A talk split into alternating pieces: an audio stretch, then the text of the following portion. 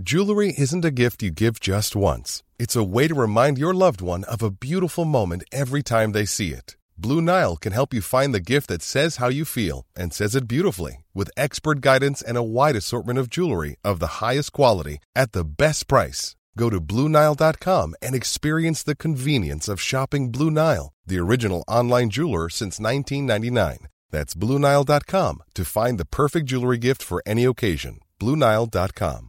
Hey, it's Ryan Reynolds, and I'm here with Keith, co star of my upcoming film, If, only in theaters, May 17th. Do you want to tell people the big news?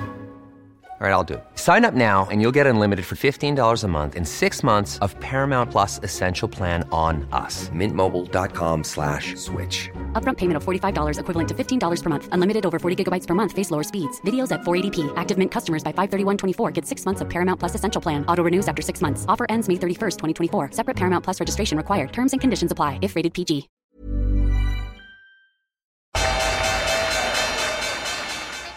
They mistook leverage for genius. Leverage for genius. I would recommend Japan. The governments don't rule the world. Goldman Sachs rules the world. Velkommen til episode 107 av podkasten 'Tid er penger', en podkast med Peter Warren. Jeg heter Sverre, jeg er produsent, trykker på rekordknappen og sånne ting, og deltar av og til litt i samtalen.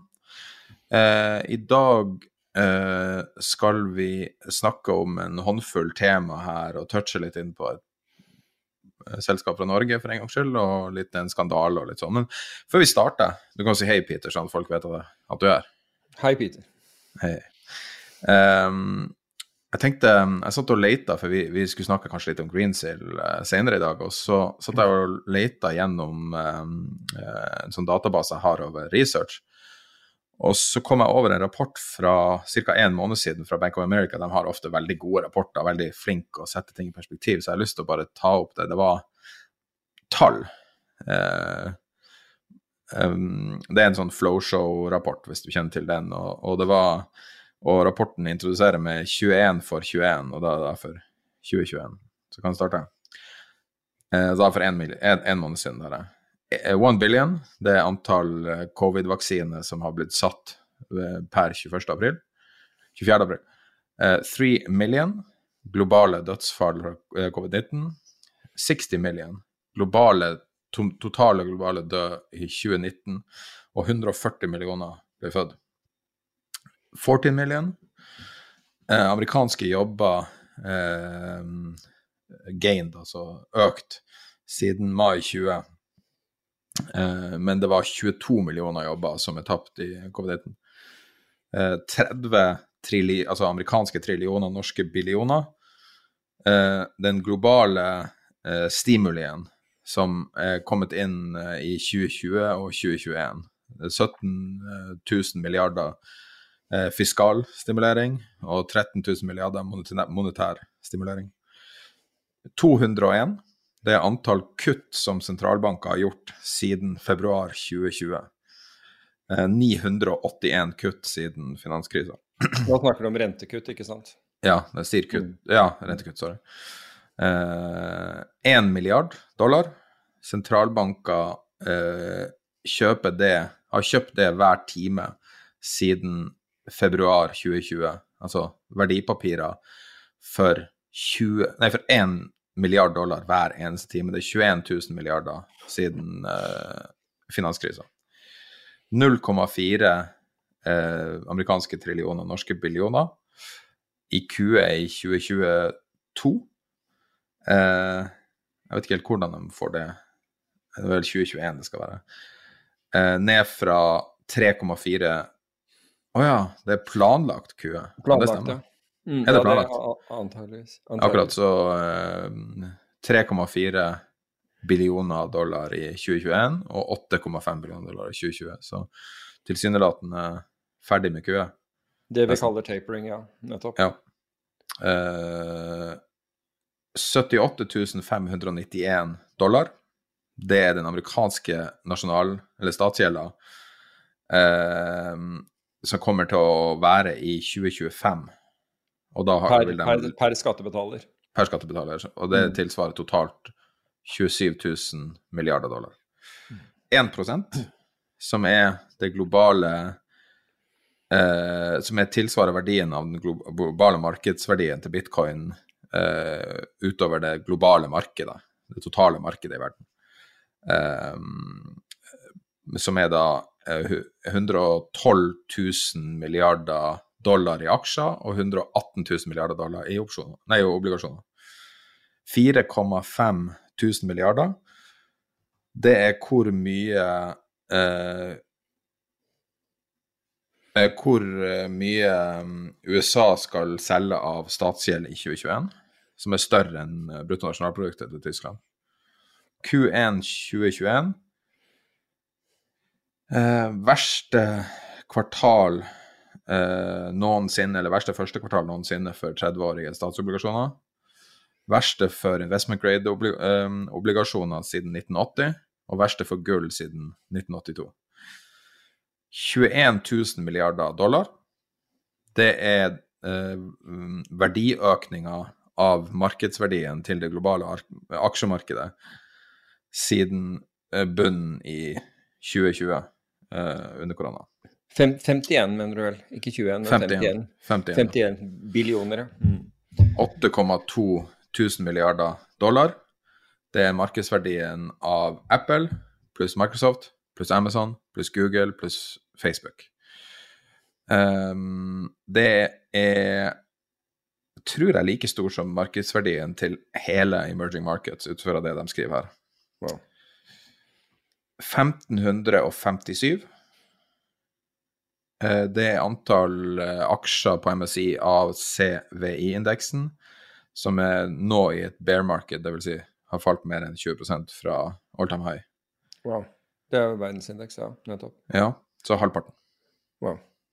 29% det var, det var jo oppsiktsvekkende. Det, det, det, tallet der var jo virkelig oppsiktsvekkende, spør du meg. Altså 1575 Altså halvparten av aksjene i verdensindeksen, altså det er den som måler da aksjer over hele verden, altså tar for seg aksjer over hele verden, er ned 20% ja, Altså er 20% under, under sitt all time high. Jeg syns det var ganske oppsiktsvekkende, opp, opp, oppsiktsvekkende statistikk. I hvert fall var ikke jeg klar over den.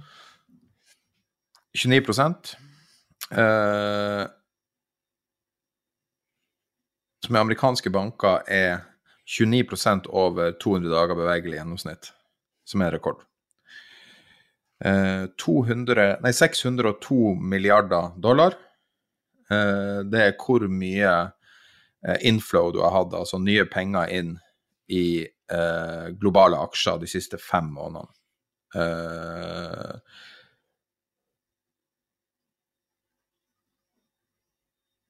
å, oh, herregud. OK, jeg må bare lese det på engelsk, sånn at det kommer helt korrekt. 602 uh, billion dollars, inflows of global stocks past six months exceeds inflows of prior 12 years, som er 452 millioner. Fem måneder tilsvarer samme mengde nye penger inn i aksjemarkedet som på tolv år. Det er voldsomt. Det er voldsomt. Det er alle 18-åringene som putter alle pengene sine inn. Det er rart når, når, folk sier hvor mye penger som står på sidelinjen, og du ser eh, statistikk som dette. Det, Ty tyder på at det ikke er så mye på sidelinjen likevel. Ja, ikke nå i hvert fall. Det var det for seks måneder siden. Ja, det, Men, ja, det, ikke nødvendigvis, for jeg, jeg, fordi, eh, fordi eh, lå, altså, mengden av lån har jo gått opp eh, voldsomt også. Bare tre tall igjen. 64,3, som er prosenten av Bank of America private banking-klienter, som hva de har allokert til, til aksjer 64,3 eh, Så det er jo fortsatt, der er det jo fortsatt penger på sidelinja. Hvis du tenker da de er jo, Resten er vel sikkert i obligasjoner, skal jeg tro. 64,7, som er ISM-indeksen, altså ISM Manufacturing PMI, som er det høyeste siden 1984.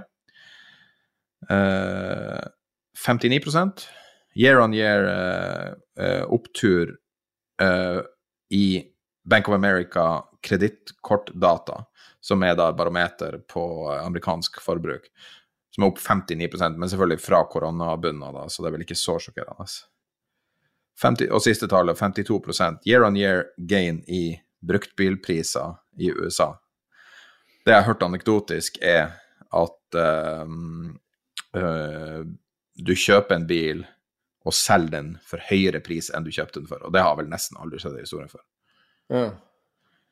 Så um, Og angivelig så er, siden bruktbilprisene er en del av inflasjonsberegninga, så er det det som får deler av skylda for de stygge inflasjonstallene som kom nylig. Mm. Ja, det er mye sjokkerende tall her. Det, det, er mye tall. Uh, Vi hadde ikke planlagt å snakke om det her i forkant, men jeg kom over det, og det var, det var verdt å ta, tror jeg. Ja, det, det, var en del tall der som var, uh, som var overraskende for meg, det må jeg si. Uh, men hvis vi skal lede inn på dette med tall og tallforståelse, så, så, så virker det som For det første, altså til de tallene du, du, snakket om Jeg er den ene som ikke var klar over disse tallene, men jeg tror ikke veldig mange er det, fordi man hele tiden snakker om at uh, bl.a. at denne stimulien kommer, kommer, til å gå uten Altså i full trottel til 2023, så jeg en uh, skrive som svar på noe jeg hadde sagt. Og her ser du jo at det, det slettes ikke er tilfellet, for her, er det, her, er det, helt klart planlagt at man, skal, um, at man skal redusere den, og det er jo det. Og hva skjer når du reduserer da et sånt, eh, sånn kraftig kjøpepress, samtidig som du, har, som du har verdsettelse på aksjer som vi ikke har sett siden toppen i dotcom-krisen? Uh, og det blir jo da spørsmål som skal, som skal, besvares fremover, men mange har da valgt å besvare den med at de har ikke noe tro på De tror bare at man skal sprøyte penger inn her. Men folk er dårlig, generelt dårlig til å regne. Og det jeg har tenkt å, å ta opp nå, det er, det er, i forbindelse med Norwegian og den emisjonen. La meg bare si med en gang at jeg har noen obligasjoner i, i uh, Norwegian, jeg har ingen aksjer. Men, men uh, og, det, og, dette gjelder da ikke, dette gjelder ikke Eh, obligasjonene, så det skal ikke være noe sånn conflict of interest. Men dette har vært omtalt um, i finansmedia i, i, Norge, nemlig det misforholdet som er mellom tegningsrettene på Norwegian. Med andre ord den prisen du betaler for tegningsrettene, og hvor aksjekursen på Norwegian befinner seg. For det, det, som er, er jo at hvis du kjøper deg en tegningsrett på Norwegian, de er notert på børs, så gir det deg retten til å kjøpe aksjen til, på, til 6 kroner og 26 øre. Det, det, den rett, rettigheten har du.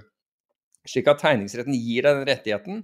Og tegningsrett er ikke noe annet enn en opsjon. Men denne opsjonen her har veldig kort løpetid, og i dag er faktisk siste dagen hvor den noteres, hvis jeg ikke tar helt feil. Slik at for de som eier tegningsretter, så må de da gi beskjed at de har tenkt å tegne aksjer. Men poenget er, poenget er og jeg så på det i dag, men jeg har fulgt med på disse hver eneste dag, det er at hvis du eh, Norwegian Aksjen handler til 26 kroner. På 26 kroner, og den er opp på dagen. Samtidig kunne du kjøpe denne tegningsretten for 6 kroner og 96 øre. Og hvis du tar 6 kroner og 96 øre, som gir deg retten til å kjøpe aksjen for 6 kroner og 26 øre, så får du da en pris på 12 kroner og 78 øre for aksjen. Så du kjøper aksjen til 12 kroner og 78 øre. Ingenting mer kreves av deg enn det. Du må bare si fra at du skal gjøre det, og så må du betale. altså Hvis du har betalt 6 kroner og 96 øre for tegningsretten, så vet du at du skal betale i tillegg 6 kroner og 26 øre for, per aksje. Så prisen din blir 12 kroner og 78 øre. Så det kunne du gjøre i dag. Samtidig drive, så kjøper folk aksjen isteden på 26 kroner.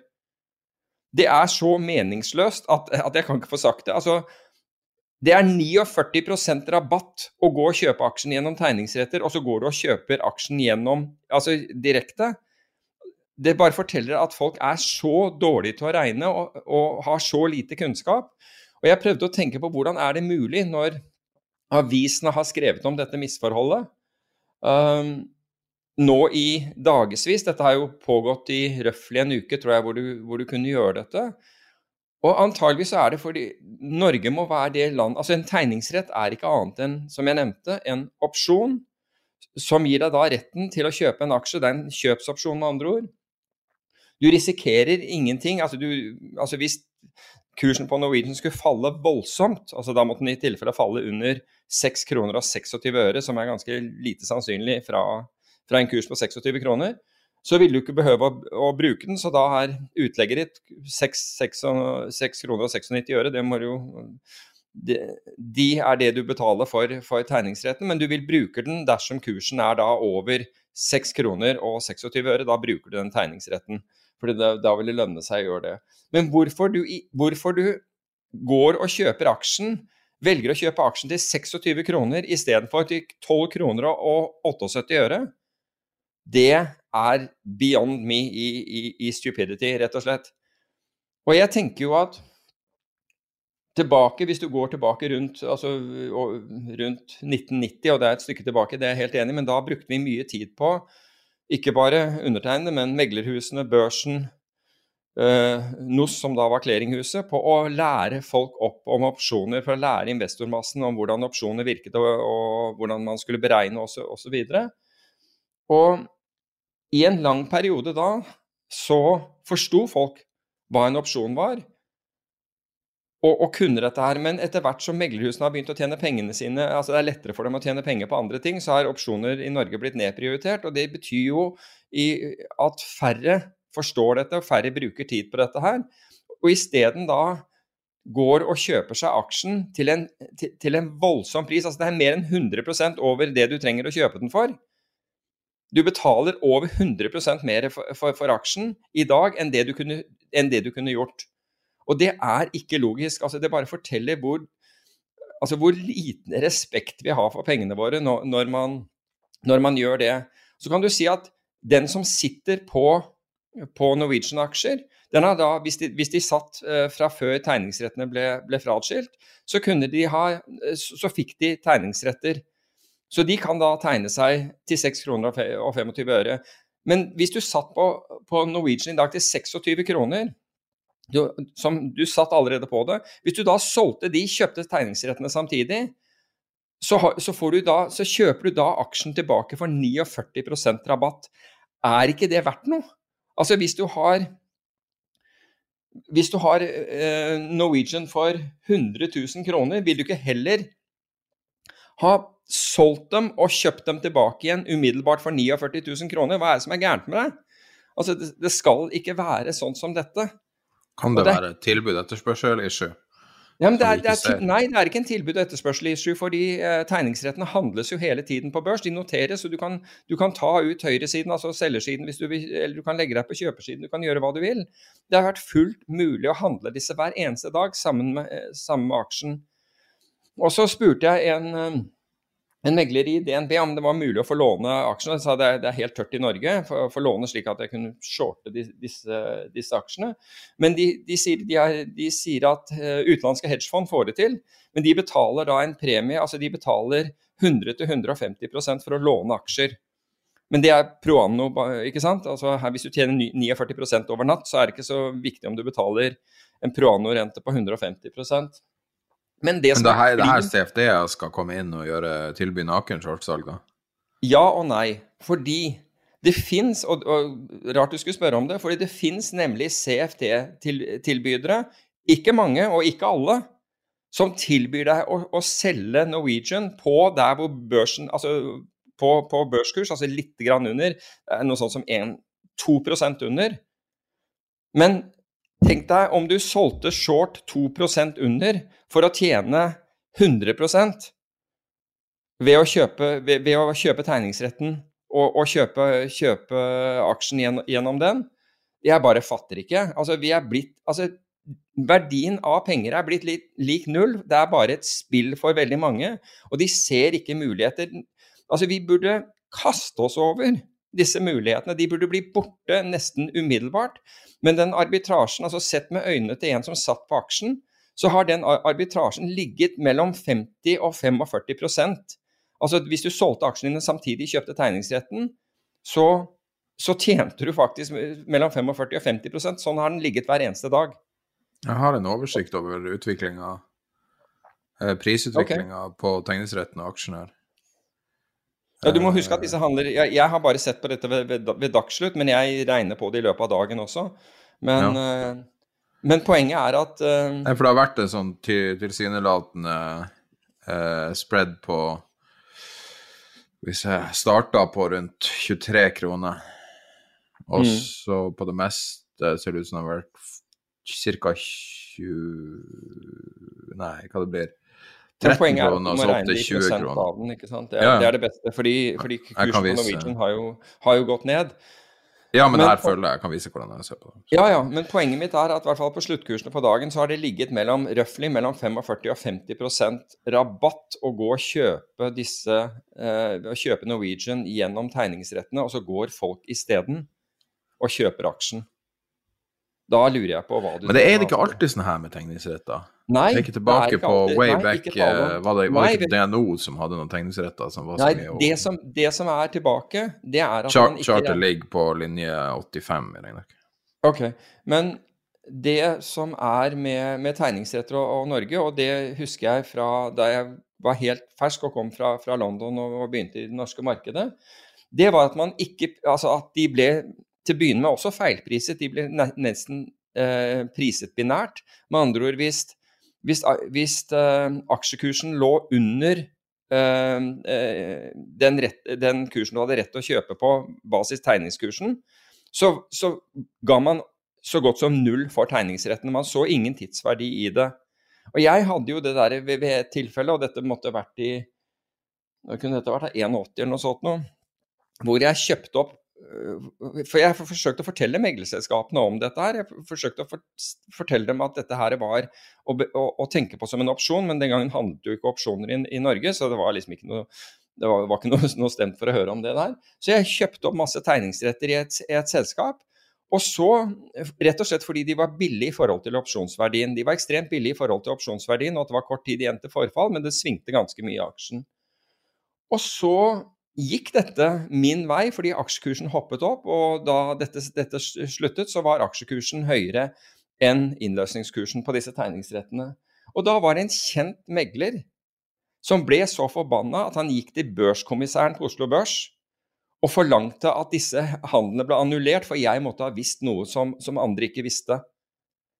Og jeg, måtte, jeg, forklarte jo da altså Jeg ble ikke kalt inn på teppet, men han lurte jo på hva, hva dette er eh, Erik Jarve, som var børskommissær den gangen, veldig kjent meglerstørrelse for øvrig, men, eh, men han, han, lurte på hvor, hvorfor jeg hadde gjort det, og jeg forklarte hvorfor jeg hadde gjort det, og mat, matematikken bak det.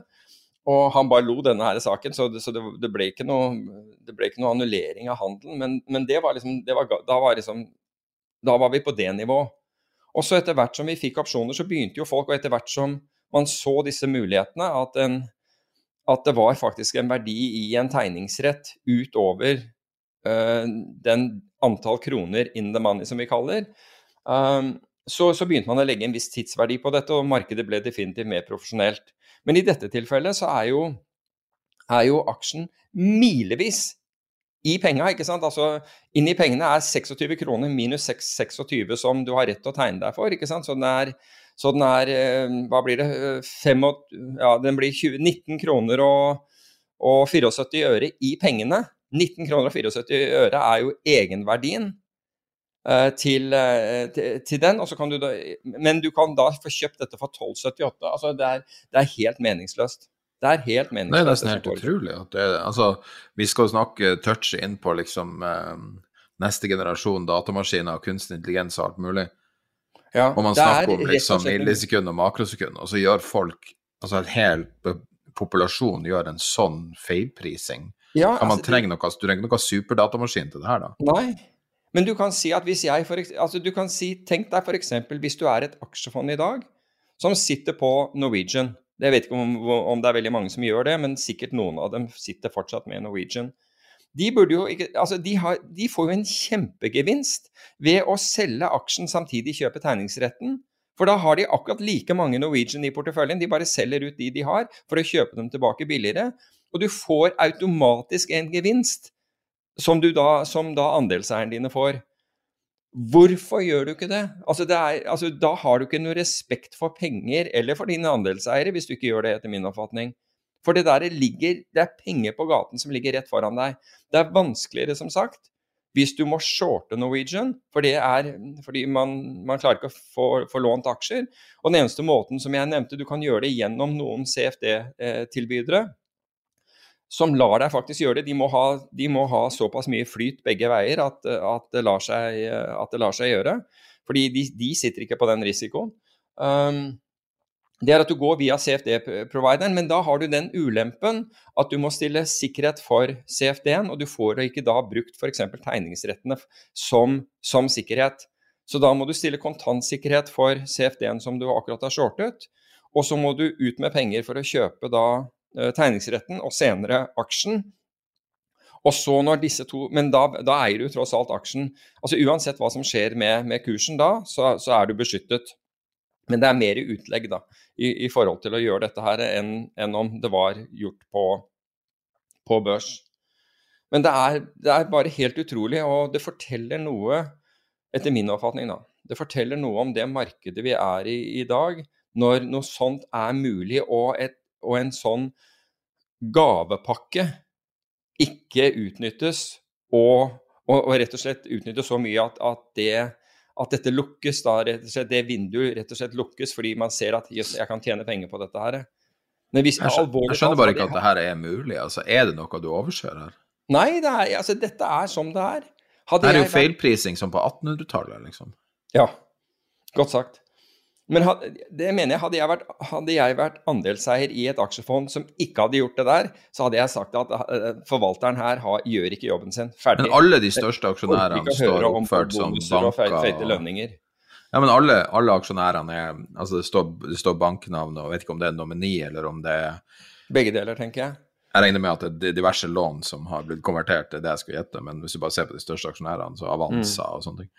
Um, og så har du, Men de her folkene her må jo vel klare å beregne Hvis du sitter med 13% av aksjene når du har den muligheten Da bør du bare kjøre det, ikke sant? Da bør du bare selge disse så lenge du kan. Bare Er det, er det, er det gratis penger? Ja, det er gratis penger. Hvis det er gratis penger. Differansen mellom det du kjøper tegningsretten for Det er en garanti?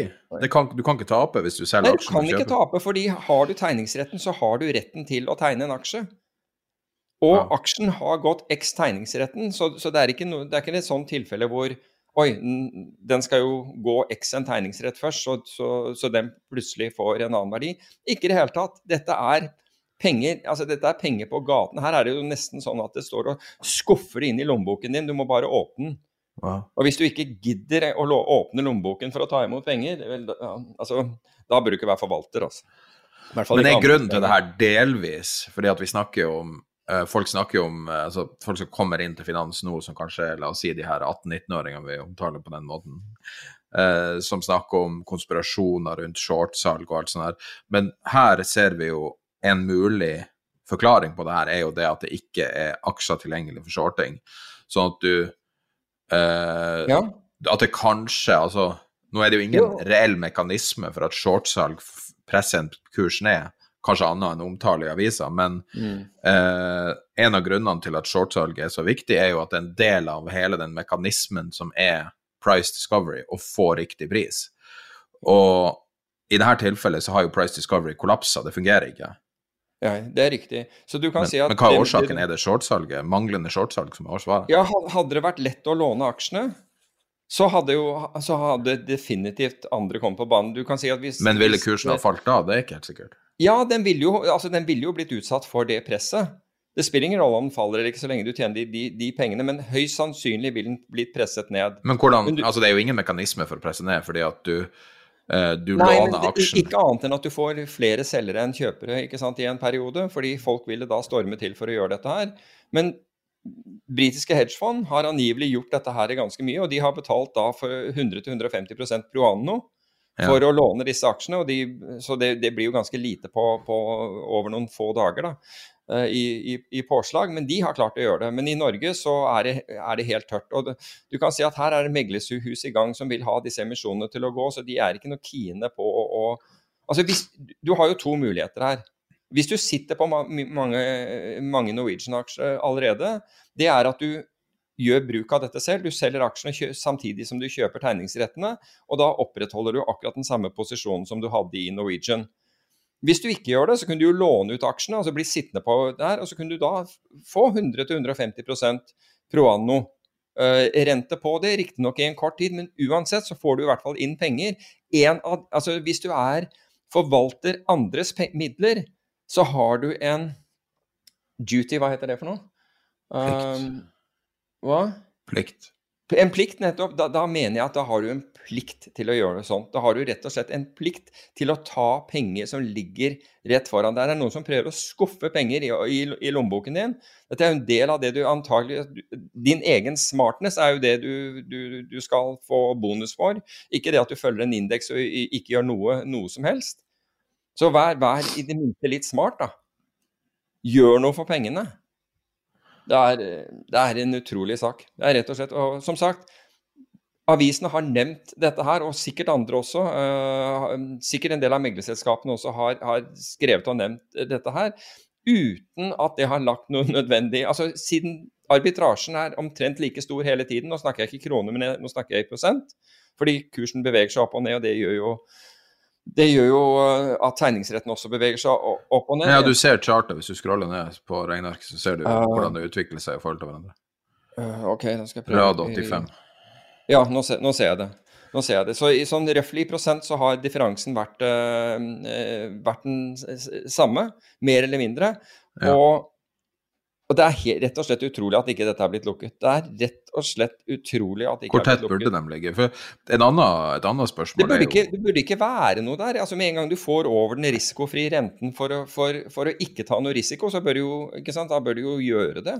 Rett og slett. Det burde ikke Men hvorfor tegningsretter? Det her er jo eh, altså, er, er annet enn å belønne eksisterende aksjonærer, eller i hvert fall tilsynelatende gjøre det. Er det noen hva, hva er det du oppnår med tegningsretter som Nei, Det er nettopp det. ikke sant? Det er at du, du, tildeler dette til de eksisterende aksjonærene. Men tegningsrettene kan, etter at de er skilt fra aksjen fordi de eksisterende aksjonærene fikk jo tegningsretter. Jeg tror de fikk Hva var det? Tre tegningsretter for hver Nei, må, for hver tredje aksje så fikk de to tegningsretter, tror jeg. Men det spiller ingen rolle, for, for du kan si eier du én tegningsrett, så har du rett til å tegne en aksje. rett og slett, og Derfor er det et én-til-én-forhold her.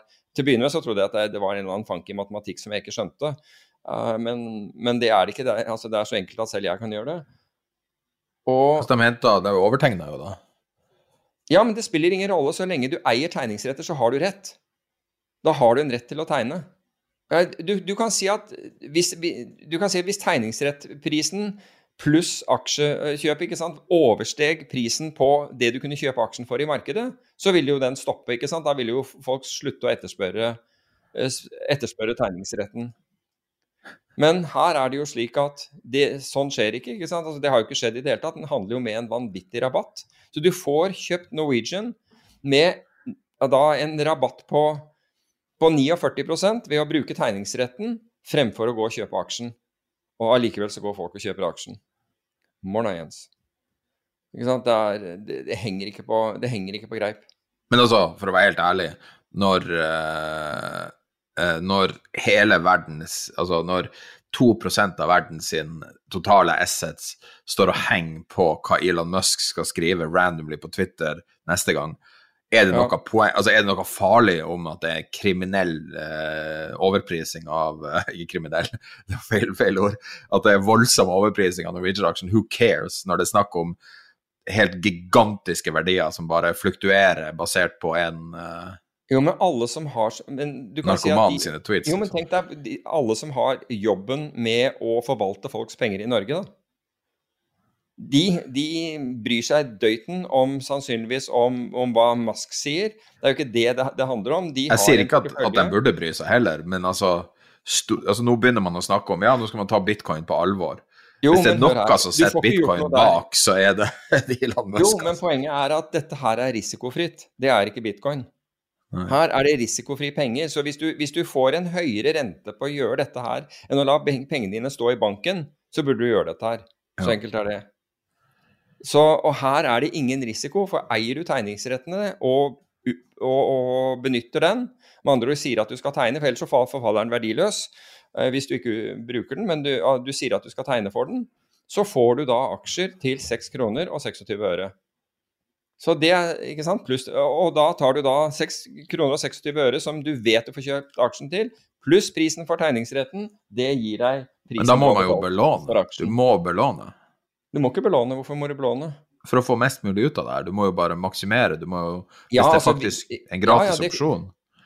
Ja, det, Hvor ofte du... ser du en gratis opsjon? Det er jo utrolig ja, husk, husk, på, du er nødt til å da altså Hvis den, skal være, hvis den skal være gratis og risikofri, så må du enten sitte på Norwegian-aksjer som du samtidig selger, eller du må gå short Norwegian-aksjer. Um, noe som ikke går? jo, noe som går faktisk via, via CFD. Sant, Som er, lar seg gjøre via, via CFD. Men da da må, du stille sikkerhet på, på begge sider. Poenget er at dette her er risikofritt. Dette er risikofritt for den som sitter på aksjen i dag. Den henter ut en risikofri gevinst ved å gjøre akkurat det jeg sa. Den er risikofri. Den er garantert av, eh, av, eh, av i Norge, så er noe, du tar ikke en motpartsrisiko ved å gjøre det. Hvis du går via en CFD, så tar du en viss grad av motpartsrisiko, og du må stille sikkerhet for, for, for shortsalget ditt uh, i, i, tillegg. Men, og, men, det vil høyst sannsynligvis gå bra, fordi det dreier seg jo bare om dager før, før, før disse tingene igjen matcher. Så Kult. anyway, sånn er det. Så det er ikke et investeringstips? Nei, det er ikke et investeringstips. Altså- påpeking altså, av feilprising? Det er påping av, av, ja, riktig, av, av, feilprising. Det er akkurat det det er. Og, og, en sterk oppfordring til de som, de som kan og har, har, det som jobb, å gjøre jobben sin.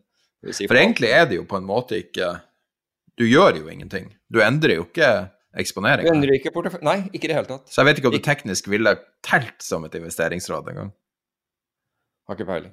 Siden du faktisk ikke endrer underliggende? Nei, altså Dette her har vært skrevet om i aviser og alt. altså så Hvis noen skulle prøvd å si at dette var en form for investeringsråd, så, så kunne ikke avisene ha skrevet om det engang. Så den tror jeg ikke Den tar jeg med med, med, absolutt ro, i og med at det er igjen Det har ikke noe om fremtidig kursutvikling eller noe slikt å gjøre. Her er det rett og slett snakk om å ta penger på gaten. Eller åpne lommeboken så noen får døtta penger i, ned, ned i lommen din. Jeg lukter en podkast-tittel her.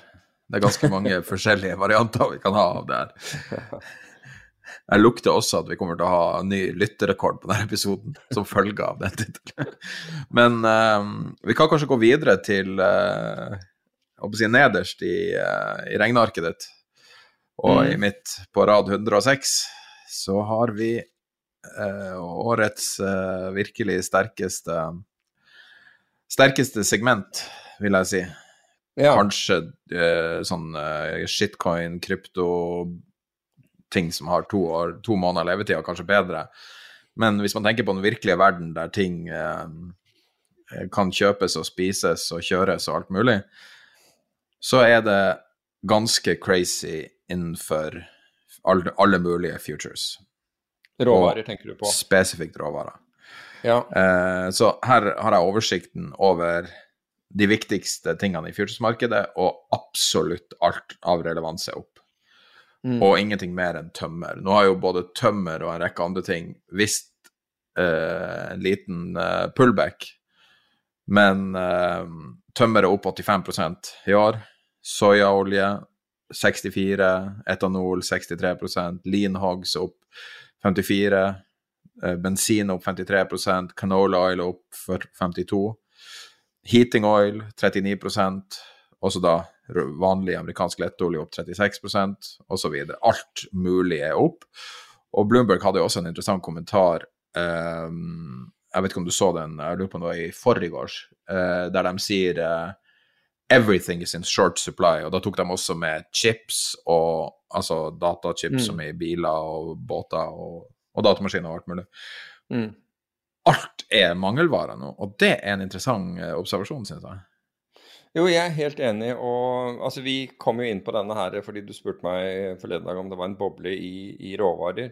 Og det er klart at når du ser på uh, når, du, når, du, isolert sett ser på de uh, råvarene sånn som du har gjort her, sånn, så virker det jo som noen helt voldsomme voldsom kursoppgang. Um, og det er det jo for så vidt også. Uh, nå kan jeg forklare tømmer med uh, endring blant altså, Husk på det der tømmeret som man bruker i, i dag. det det ble Altså, det, det, er, det er, trær som, eh, som har vokst i, i, i, 60 år, så det er ikke lett å, å, å øke den, den, produksjonen. Mesteparten av dette kommer fra Canada, som for øvrig har også endret noe av lovverket sitt når det gjelder, når, når, det gjelder tømmer og tømmereksport. Og Jeg så også at den, tømmer, den tømmerdelen av husbyggingen i USA, altså den hadde jo da steget altså Den påvirker jo selvfølgelig da prisingen på, på, på nye boliger som da igjen bruker, bruker,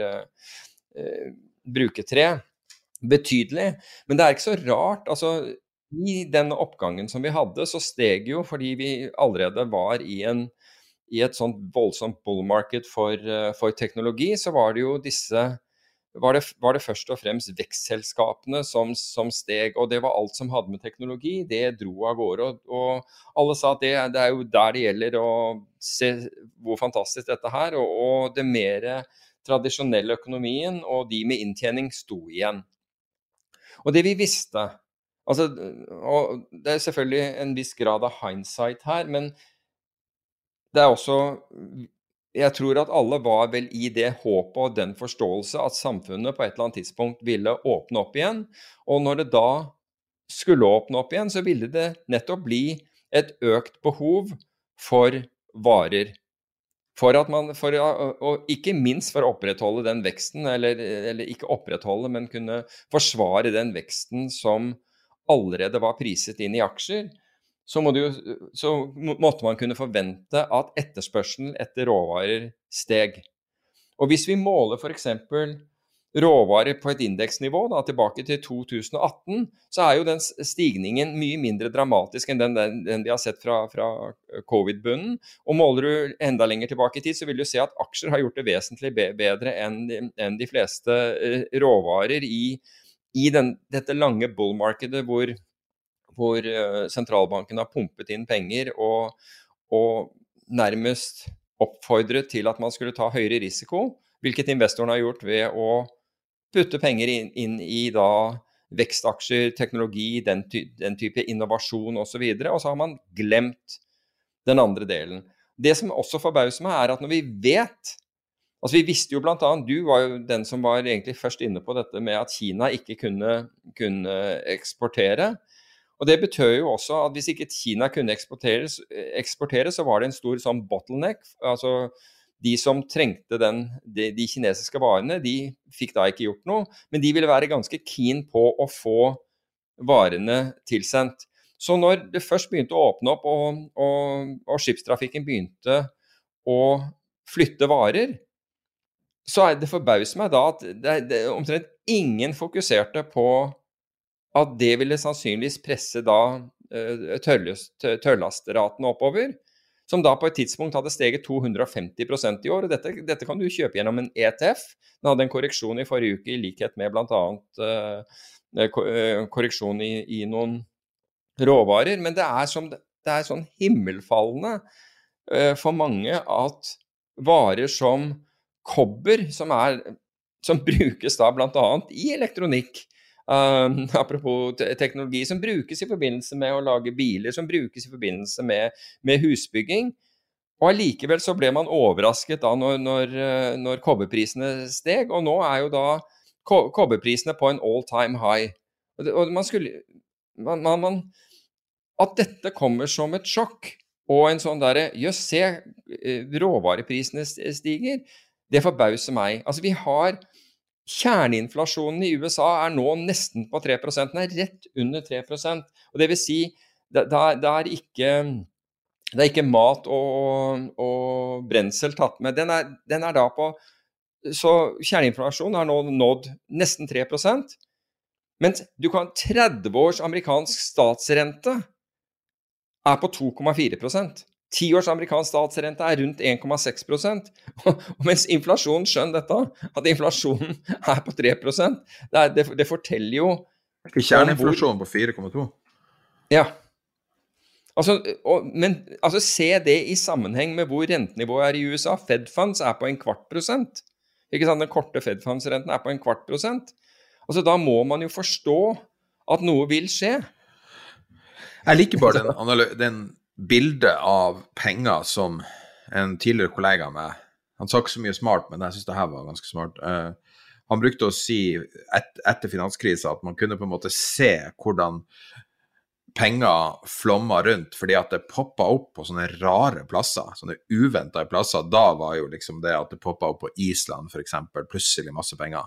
Akkurat som man presser ned masse penger i et hull, og så popper det ut på random Akkurat som, uh, som det er sånn uh, Hva det heter det der uh, muldvarper som har laga sånne ganger rundt, og så bare tyter penger ut. Plutselig så kommer det Oi, en fotballklubb for to milliarder dollar, og altså sånne type ting. Og, og det er jo litt det er jo litt det vi ser nå, at du får masse masse unintended consequences. Man har putta masse penger ned, som vi sa introduksjonsvis, i antall uh, milliarder dollar i, i stimuli. Mm. Uh, og så skyver man det ned i økonomien, og så gjør man det på nye måter med å f.eks. ha stimulipengene inn. Og så popper det opp på rare plasser. Ja, plutselig blir eh, joggesko fem ganger så dyr. At det begynner ja. å bli et sånn samleobjekt. Og så plutselig så er det et kortspill fra 90-tallet der kortene plutselig begynner å ha enorm verdi. Det er også en sånn Også i Norge så har du mummikopper som plutselig får en enorm tilsynelatende verdi. Mm. Og så har du masse rare ting. Det bare popper opp som eh, paddehatter, liksom. Jeg bare syns det er en, en, bra måte å se på penger på, og tenke på at det er bare så mye den tradisjonelle økonomien klarer å absorbere, og så får du plutselig masse råvarefuture som går til himmels. Ja. Jeg syns det er veldig logisk, selv om det er vanskelig å forutse. Ja, men altså, var det så vanskelig å forutsi? Altså, sa du det her på forhånd? da? Jeg husker ikke at du sa det. Nivå, nei, husker du ikke når vi, vi begynte Vi, vi eh, tok jo med eh, råvareindeksen i den, der, eh, i den watchlisten vår på et tidlig tidspunkt, nettopp fordi, fordi, uh, fordi vi snakket om at dette kommer til å gå inn i økonomien. Så det er viktig å følge med på hva den gjør. Og den har vi jo på den der watchlisten vår. Jeg Skal... Råvareindeksen har for øvrig gått 19,6% i år, som er da vesentlig bedre enn Oslo Børs, for, for å si det på den måten. 19,6% har, har eh, råvareindeksen, altså, og den tar med seg alt som er av, av, råvarer. Men mens jeg er inne på det, altså bare bensinprisen i USA, og det er jo etter at denne pipelinen den er vel nå operativ igjen, men bensinpriser i USA nå, nå 3 dollar per gallon. Det er det høyeste det har vært siden 2014. Ikke sant? Så det, det at dette kommer som en sånn kjempeoverraskelse, det er eh, Altså, idet du går fra kun forventningsøkonomi, med andre ord vekst- og innovasjonsdelene, altså hvor alle skal være med på det, altså ESG og den der greia der, det vi har sett, er jo at man har rotert ut av disse tingene, og det har gått ordentlig dårlig for mye av disse ESG-selskapene etterpå. Rett og slett fordi verdsettelsene var Det var ikke noe galt med ESG eller selskapene, men rett og slett fordi verdsettelsene var så høye at folk kjøpte det for å ha alibi frem, fremfor, fremfor økonomi. Og så har dette rotert ned, og da, og da har du begynt å løfte nettopp de selskapene, altså verdiselskapene, de som har inntjening, de som har produksjon, de som leverer, de som har egenkapital. Um, og da har naturlig nok etterspørselen etter råvarer også, også kommet. Så jeg, jeg syns at altså Hvis vi ser på den oppgangen som har vært i år, så virker den jo selvfølgelig dramatisk fordi den har gått veldig mye. Men hvis du ser på den over et eh, lengre antall år, så har på en måte råvarer hengt, hengt igjen hele veien mens vi har vært fokusert på, kanskje med unntak av da, altså taiwanske semiconductors og, og, og, den type ting, men hele veien mens, mens, vi har hatt fokus da på mest mulig vekst, senest mulig inntjening, innovasjon og disse tingene, så har det hengt igjen. Um, slik at jeg, altså jeg tenker jo at aksjeanalytikere er altså Det er mange mange flinke aksjeanalytikere der ute. Og det eneste som på en måte forhindrer at de er flinkere, det tror jeg er fordi selskapene de jobber i, har, har annet fokus og annen, eh, annen motivasjon enn når de, fordi aksjeanalytikere oppdager dette. Det er den eneste jobben de har. Det er på en måte å se på disse selskapene og prøve å finne undervurderte uh, lommer av, av, undervurderthet. Det er direkte oversatt fra engelsk. Um, og så, slik at jeg, jeg, tror at dette her er sett og anerkjent av veldig mange analytikere, men de har på en måte ikke fått gjennomslag for å, å, å hevde dette her. Det, det, ting ble heller ikke bedre av at du bråstoppa den eh, At det, det containerskipet dundret på, på, på grunn og, og, som jeg skrev i en, en blogg, breisladda og, og stoppet hele Suezkanalen. Da, da, ligger det an til at uh, det, det, gjør ikke råvareprisene mindre, for å si det på den måten, når, når tilgangen blir, blir, uh, blir, vesentlig redusert, sånn som, sånn som i det tilfellet da, med, med Suezkanalen. Vi hadde jo en bølge av uh, sånn anti-globalisering før, mm. før det her starta. Eh, og det er jo det som egentlig er problemet her, det er jo at vi har en global supply chain. Sånn at eh, hvis du driver Toyota i en eller annen Toyota-fabrikk i Europa, så har du sannsynligvis en supply chain som strekker seg over flere kontinenter, som er helt avhengig av at ting går som det skal. Ja. I gamle dager satt, så satt jo Dell-datamaskinene, de fabrikkene ble jo plassert rett ved siden av Intel-fabrikkene. Mm. For de skal ha kortest mulig leveransevei. Og det er mulig at uh, vi går litt tilbake til det, altså at du, du, får mer nasjonale Det at man snakker liksom veldig mye nå om å, å bevare matproduksjonen i Norge, f.eks., som er selvfølgelig veldig viktig, og vi ser det med korona, du ser det med brexit, at matsikkerhet er viktig. Uh, og så ser du at uh, folk vil at vi skal begynne å produsere vaksiner igjen i Norge, og medisiner igjen i Norge. Mm. Uh, så det, jeg tror det er liksom en retning reverse en del globaliseringsting, om det er en sånn unintended konsekvens av det her igjen, da. Sånn tredje, nei, andre knock-on-effekt. Jeg vet ikke. altså Jeg hadde gleden av å møte en Han var tidligere administrerende i et selskap i Jeg må være diskré her, i, i Trøndelagsregionen. Og da han var der, så fortalte han at de gjorde om De hadde en ganske betydelig produksjonslinje som de da gjorde om slik at de trengte ikke vare på lager whatsoever. Du kunne bestille produktet deres, og i løpet av noen dager så fikk du det levert. Og det var uansett hvordan du bestilte, altså farge og, og spesifikasjoner på det, på det produktet. Og han fortalte at da de fikk dette med jeg tror det var to trailerlastebillass uh, i, uh, i, uken, som kom fra som riktignok kom fra, en, fra, Europa, men de hadde null vare på lager. De hadde, ikke, altså, tenk deg hva du, kapitalkostnadene du sparer ved å ikke ha lager. Og slik at ingenting ble satt i system før du bestilte. og enhetskostnadene på, på, det du bestilte Nå tar jeg det ut av hodet, men var antageligvis mindre enn 10 000 kroner. Uh, antar jeg. Jeg har ikke sjekket det, men uh, under det. Og ingenting ble gjort før. Men i det øyeblikket du bestilte, så gikk dette gjennom på dataen og direkte, og dette ble da i den andre enden konfigurert og helt Altså, du kunne virkelig skreddersy dette, dette produktet. Og Alt de gjorde, var, var, å ha en produksjonslinje i Norge og intet lager. Og jeg syns det, det hørtes fantastisk ut. Det heter just in time på fagspråket. Ja, men, men du kan si jo Som forutsetter at verden fungerer. ja, men, jo, men spørsmålet var jo nettopp det. Det var det, det, var det man spurte om også. Altså, det må jo ha skjedd ting, f.eks. en trailer kjørte av veien, eller vær, eller et eller annet sånt. Men altså, da hadde vi 24 timer til, til rådighet, og vi, vi, ordnet ting på 24 timer. Vi fikk enten en ny trailer eller et eller annet sånt. Vi, på, på, 24 timer så hadde, så vidt jeg forsto, så hadde det ikke vært et tilfelle hvor de ikke hadde klart å levere. Ja, nei, Jeg var vitne til et tilfelle av et stort, stort, stort firma ganske nylig, eh, som hadde akkurat samme struktur. Lager i Tyskland. Eh, veldig store, veldig dyre, veldig tunge deler. Og det skulle være løst på én dag. Og det tok én måned. Ja.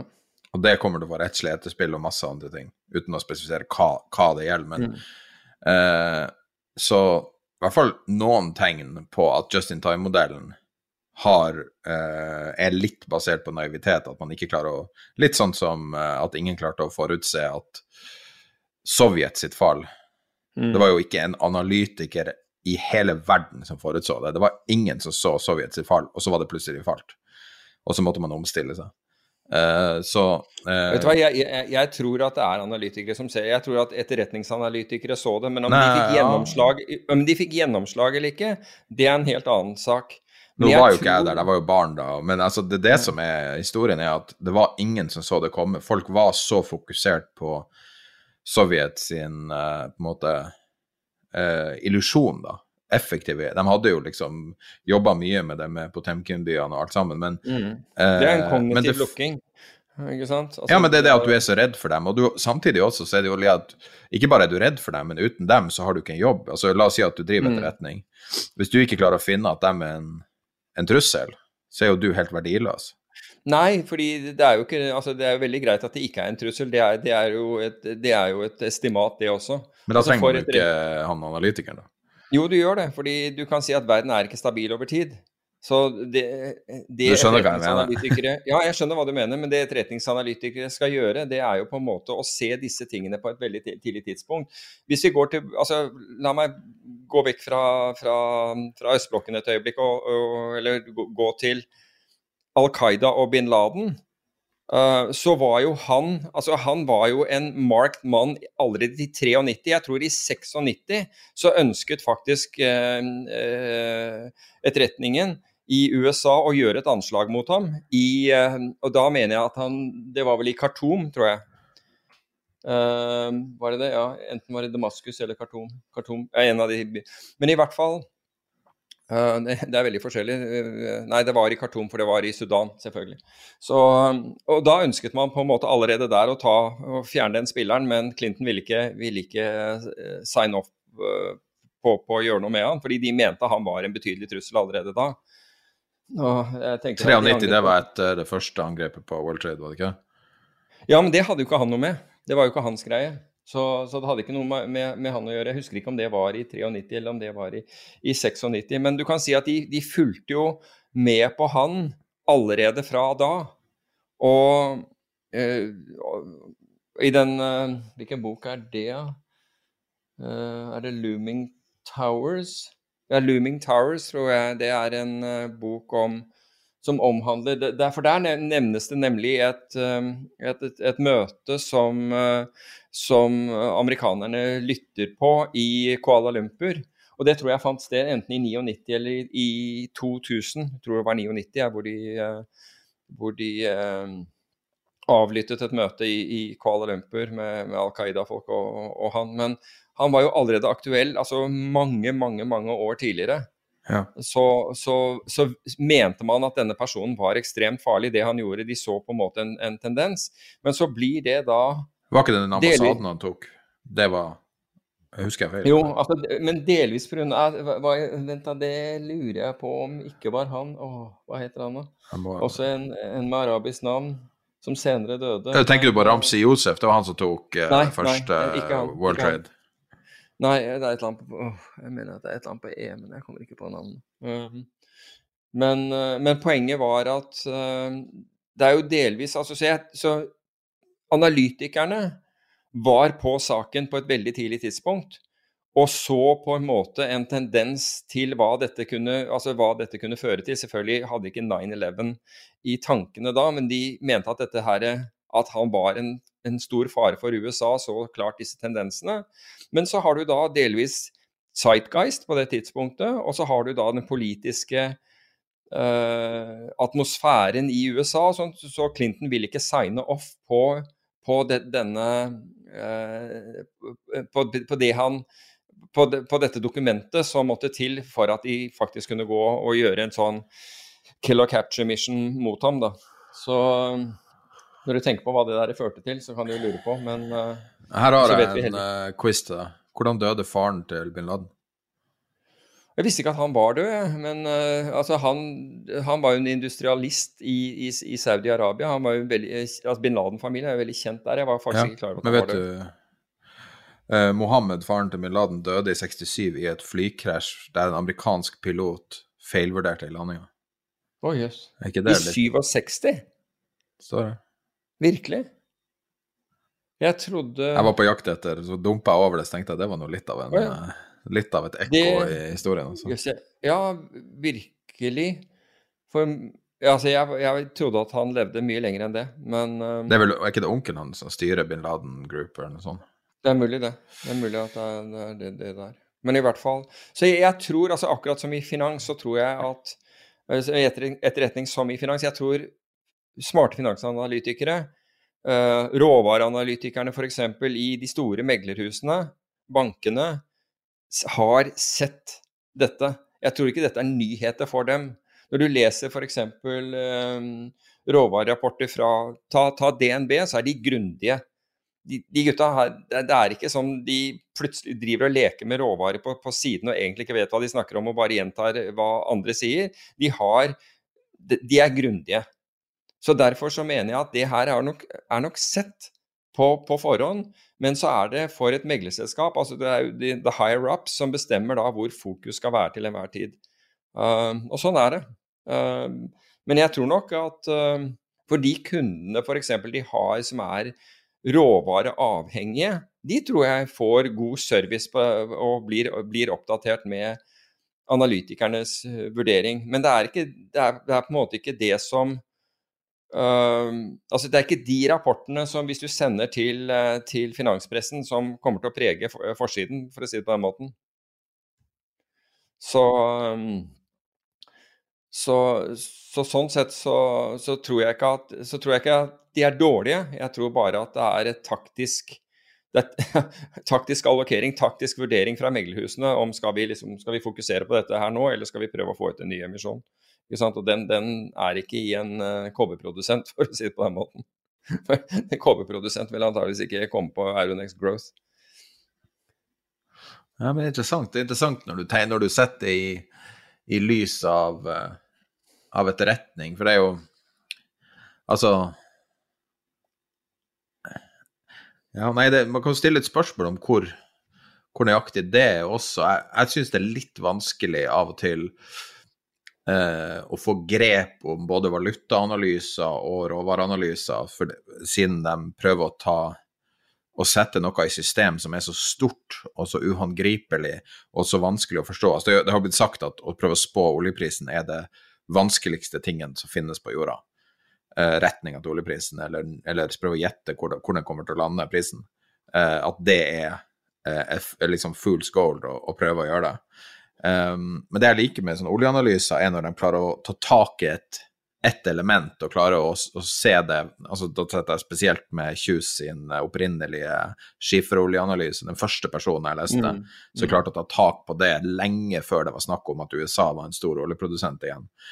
Um, og at han forsto den infrastrukturen. Og da, det, det kan virkelig være. Altså, da, da forstår han jo også hvor stor omveltning man har, fordi at altså Petroleumssikkerheten til USA har jo alltid vært liksom driver for hele verden.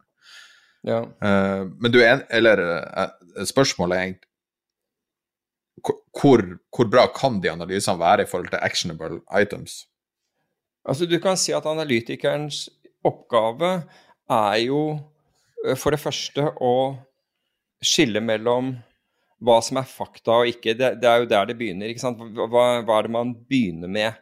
Og dette, dette, burde jo være det samme i finansanalyse som det er i etterretningsanalyse. men det er først Du begynner med estimatene til selskapet? Nei, ja, nettopp. Det er jo det de gjør nå. Har du ikke lest det? Men i etterretningsanalyse så begynner du med hva er det vi faktisk vet. ikke sant? Og hvordan vet vi det? Jo, vi no, vet det Er det known knowns? Ja, altså vi, vi, vi, vet det fordi vi har flere, kilder, flere, uavhengige kilder som forteller oss det samme. Da er det mest trolig at dette her er sant, eller vi kan sjekke det på andre måter. ok? Deretter så, så må, må, det jo presenteres med et, en, en, et problem, en, en, utfordring om du vil, ikke sant? Og, og, og på basis av den utfordringen, f.eks.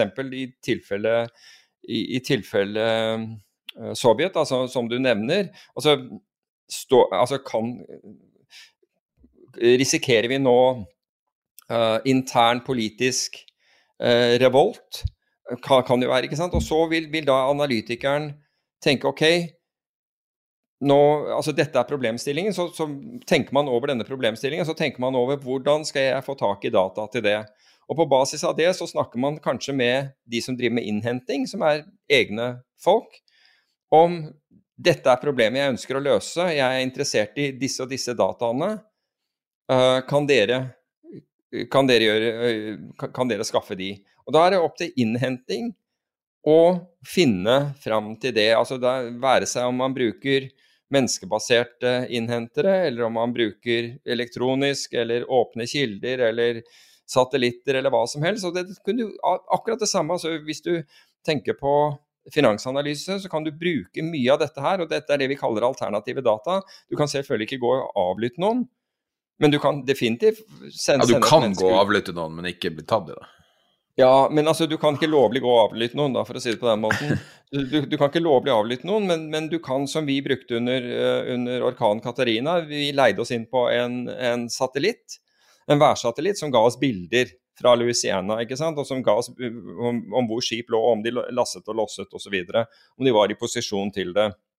Slik at vi kunne telle oss frem til hva som Dermed kunne vi vite hva som var sant, istedenfor å høre på bl.a. CNBC og andre som var helt ute å sykle. Som bare fortalte rykter, og de, de stemte ikke. Det de så vi på bildene, at det var helt fjernt fra virkeligheten. Nå i dag så, er, så bruker nesten alle denne type, type uh, input. ikke sant? Altså, men i hvert fall de som driver med innhenting, er da eksperter på det, og de tenker da ut ok, hvordan skal vi hente disse dataene som analytikeren ber om. Jo, vi bruker den og den og den sensoren for å hente det. Vi ringer folk dit, vi hører med den. Vi ser, sjekker uh, statlige databaser, åpne kilder, alle mulige sånne ting. Leser aviser, hva som helst. Og så bringer de da dette til, inn til analytikeren, som da har dette som jobb. Og på samme måte som som det nå er blitt, uh, blitt uh, vanlig å gjøre i f.eks. i politiavhør i Norge, så er det rett og slett å, å, stille seg spørsmål, altså når man kommer til en konklusjon kunne jeg, kan, jeg kan jeg bevise det motsatte? Kan jeg, sted, kan jeg faktisk mann, liksom. gjøre ja, eller falsifisering kan jeg faktisk bevise det motsatte. og Det, det gjør man bl.a. i viktige kriminalsaker også i Norge, hvor det er noen som da sier ok, alt tyder altså, Noen har konkludert med at denne personen har drept den personen.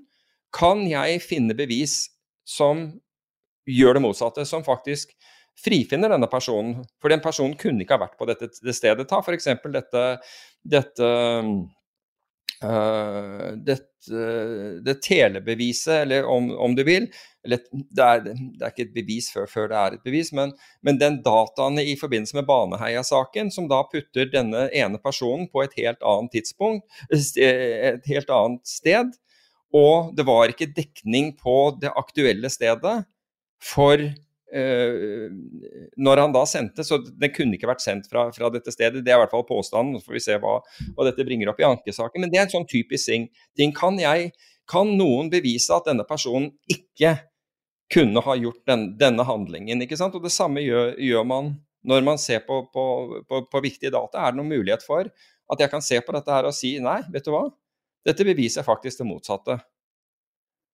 Og dermed så, så, får du på en måte et mye ærligere Når du er ferdig med det, da har du liksom eh, sett bort Da vet du at dataene du har basert deg på, er verifiserte, fordi de, de er flerkildedata. Så du vet at fra uavhengige kilder har verifisert at grunndataene som du analyserer på, er riktige.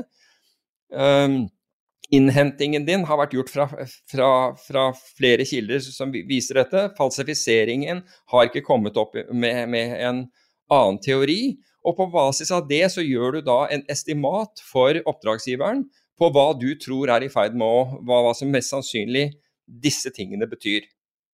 Sted, og det er klart at Tilbake til det du spurte om forutsi oljeprisen? Nei, Du kan helt garantert ikke forutsi om oljeprisen skal være 70 dollar og, og, og 73 cent, eller 71 dollar og 14 cent. Altså det, nei, ikke tale om. Men de kan forutse den sannsynlige retningen og effektene av den retningen det, det tar. ikke sant? Med andre ord at når oljeprisen går opp, så kan du da tenke deg at etterspørsel avtar. Er det logisk? Det kan hende at det er, det behøver ikke å være slik. Men etterspørselen avtar um, rett og slett fordi prisen på drivstoff da er blitt dyrere. Eller kan det være det at, at øh, folk handler da et annet sted på forward-kurven? fordi la oss si den er i backwardation, som oljeprisen er i dag. altså med andre ord olje for levering lenger ut i tid er billigere enn olje for levering i dag at faktisk de som trenger olje, nå kjøper lenger ut på kurven hvor det er billigere. Så jeg får ikke dette store presset på, uh, på, på spot-olje, men jeg vil se at kurven kommer til å forandre seg fordi folk driver og kjøper f.eks. desember, uh, olje for levering i desember, slik at prisen for levering i desember flytter seg oppover, mens prisen for levering i, i nå i i spot, altså nærmest står stille, for er en, der er en større balanse. Sånne ting kan analytikere bidra med, det er jeg helt overbevist om. Så greia er altså slipp dem fri, så, så, så kommer de nå helt sikkert til å gjøre det. Men jeg tror jo at veldig mye av dette handler om at man har en forutinntatt idé om hva man skal tjene penger på. Eller det bør ikke være forutinntatt, det kan være helt riktig at det er noe annet man tjener penger på. og Så bruker man fokuset på det, og kanskje da en slik analytisk eh, eller en analyse rett og slett bare forstyrrer det bildet og, der, og, derfor ikke blir presentert generelt. Sånne ting tror jeg har, har, større effekt enn man tror. Og det går ikke på at man ikke har kunnskap. Nei, det er interessant. Det, og, og det, det av en eller annen grunn så hopper tankene mine tilbake til den 2011-boka The Fear Index, som jeg tror du også har lest, ja. med Robert Harris. ja, det var du som anbefalte den for meg. Og det er en artig bok som, som tar mm. det her til en tabloid uh, ytterste konsekvens. Vi skal jo ned til AI så vidt det er etterpå. Så det, jo, det var derfor jeg det. Og det handler om eh, en forvalter i Sveits som eh, har laga en kunstig intelligens som da til en viss grad forutsier ting som Eller ikke til en viss grad, veldig forutsier ting som skjer, basert på åpen tilgjengelig data. Men da klarer jeg å, å gjøre vurderinger og ekstrapoleringer på et tempo som og innhenting på et tempo som bare ikke er mulig i dagens verden, og som ikke var mulig i 2011. Og jeg tror ikke det er mulig i dag heller. For det gjør sånne vurderinger for å gjøre veldig spekulative investeringer sekunder før katastrofe og sånn. Mm. Men det er, måte, det er jo på en måte der man kanskje tror ting kommer til å lande. Men inntrykket mitt er at sånn her type innhenting, i den grad at man prøver faktisk å virkelig forstå og forutsi framtida, fortsatt er til en viss grad science fiction.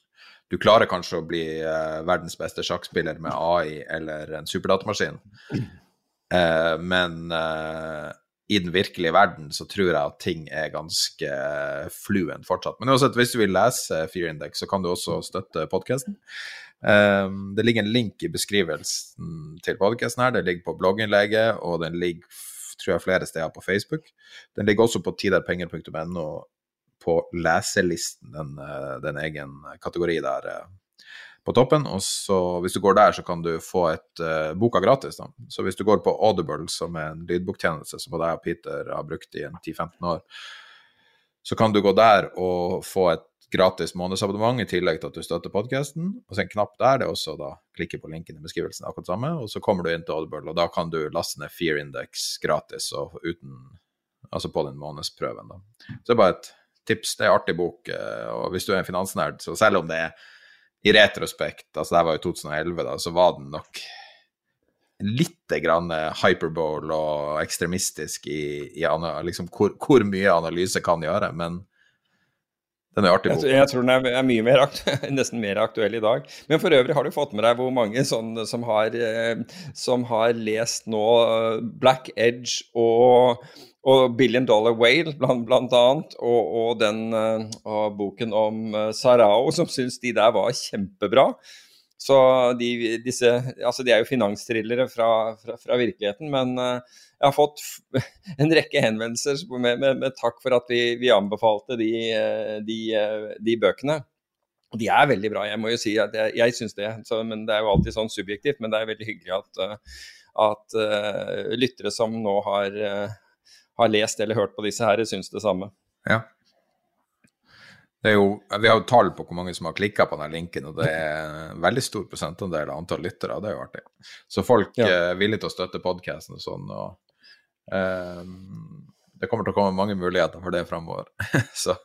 men uansett, jo, men det var det bare jeg, jeg, tenker, jeg, tenker, at her får Altså, jeg, jeg syns jo altså I og med at du har TV-serier om finans og, som, som, følges bredt, så er jo forskjellen til disse TV-seriene og i hvert fall de boktitlene som jeg har nevnt, er jo ikke den du nevner nå, den for øvrig, den, men eh, disse andre er jo at, de har, at det er fra virkeligheten.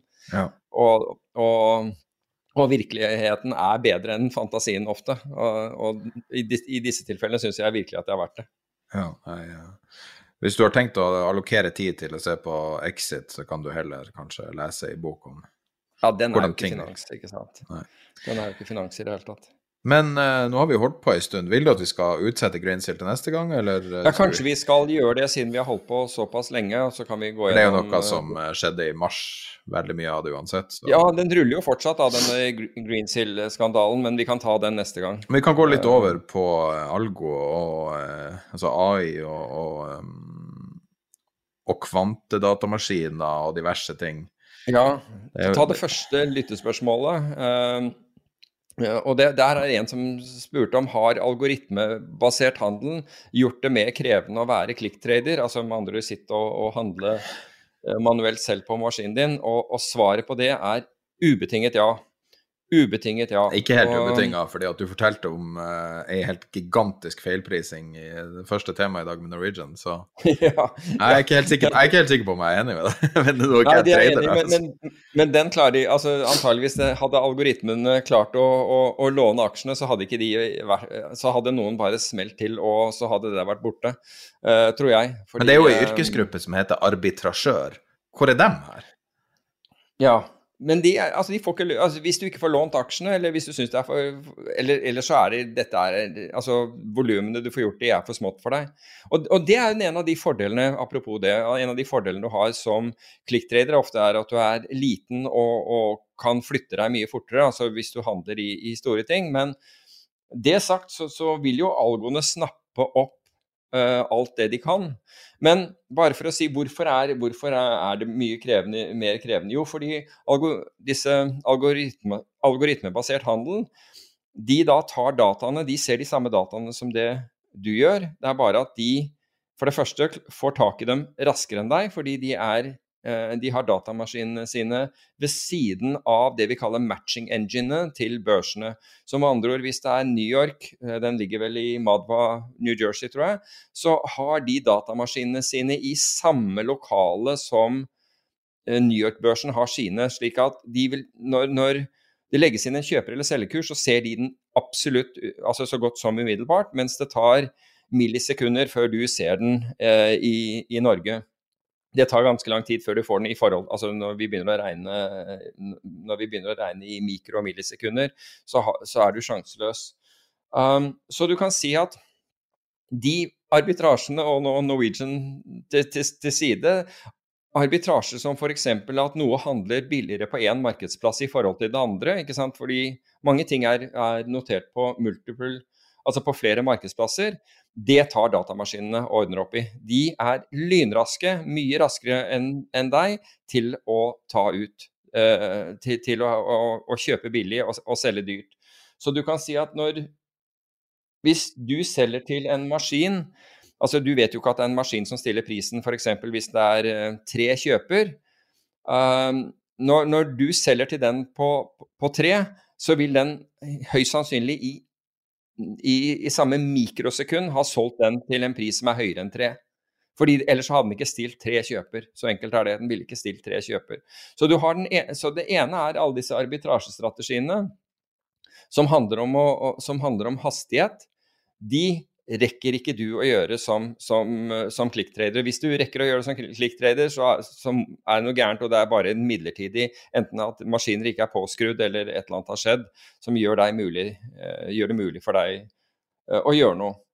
Og så har du den andre biten, og den, altså den første biten den på en måte effektiviserer markedet, selv om eh, det er, det er, synd å bli fratatt uh, den type muligheter, men du kan si det har alltid vært sånn at den som er raskest, er, er raskest.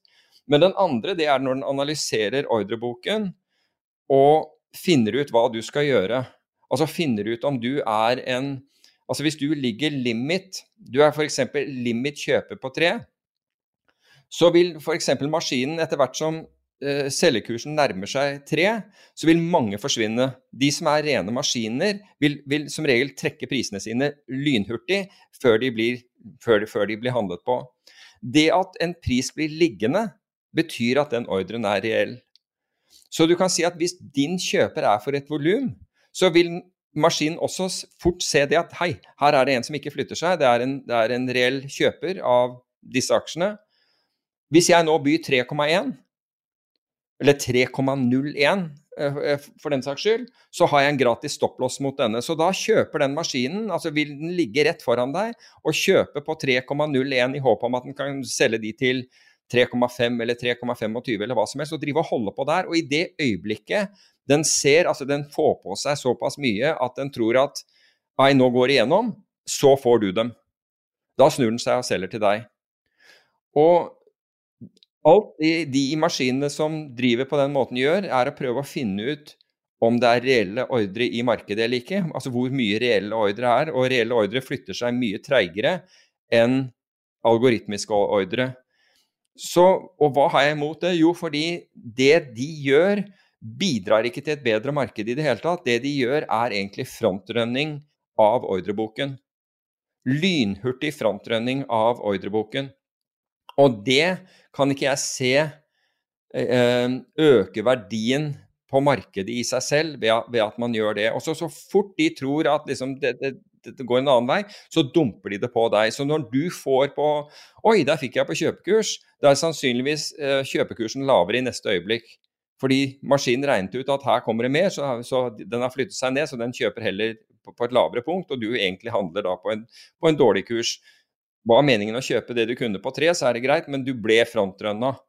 Det er, det er, det er mitt, uh, mitt, mitt, poeng. Så, så, du kan si det er to, to, faktorer som kommer inn. Og vi vet også at når det gjelder du, du ser disse kursene hele tiden, og du ser oi, det er stort volum på kjøper og selger, men det er ikke stort volum. Idet kursen kommer dit, så er den, den borte. Så, så likviditeten som vi alle tror er i markedet, den er illusorisk. Hvis noe skjer, så trekker man ut dette.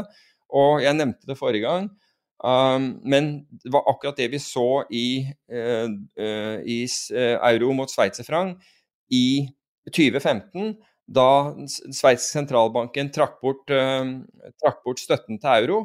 Så var ingen banker Altså alt ble trukket ut. Og fordi det er jo egentlig bare i valutamarkedet er kanskje fem eller syv banker som, som virkelig stiller priser. Alle andre er skyggepriser av disse, deres priser. Så når, når, de fem eller syv trakk seg ut, jeg tipper det er fem, eh, trakk seg ut, så, så forsvant alle priser.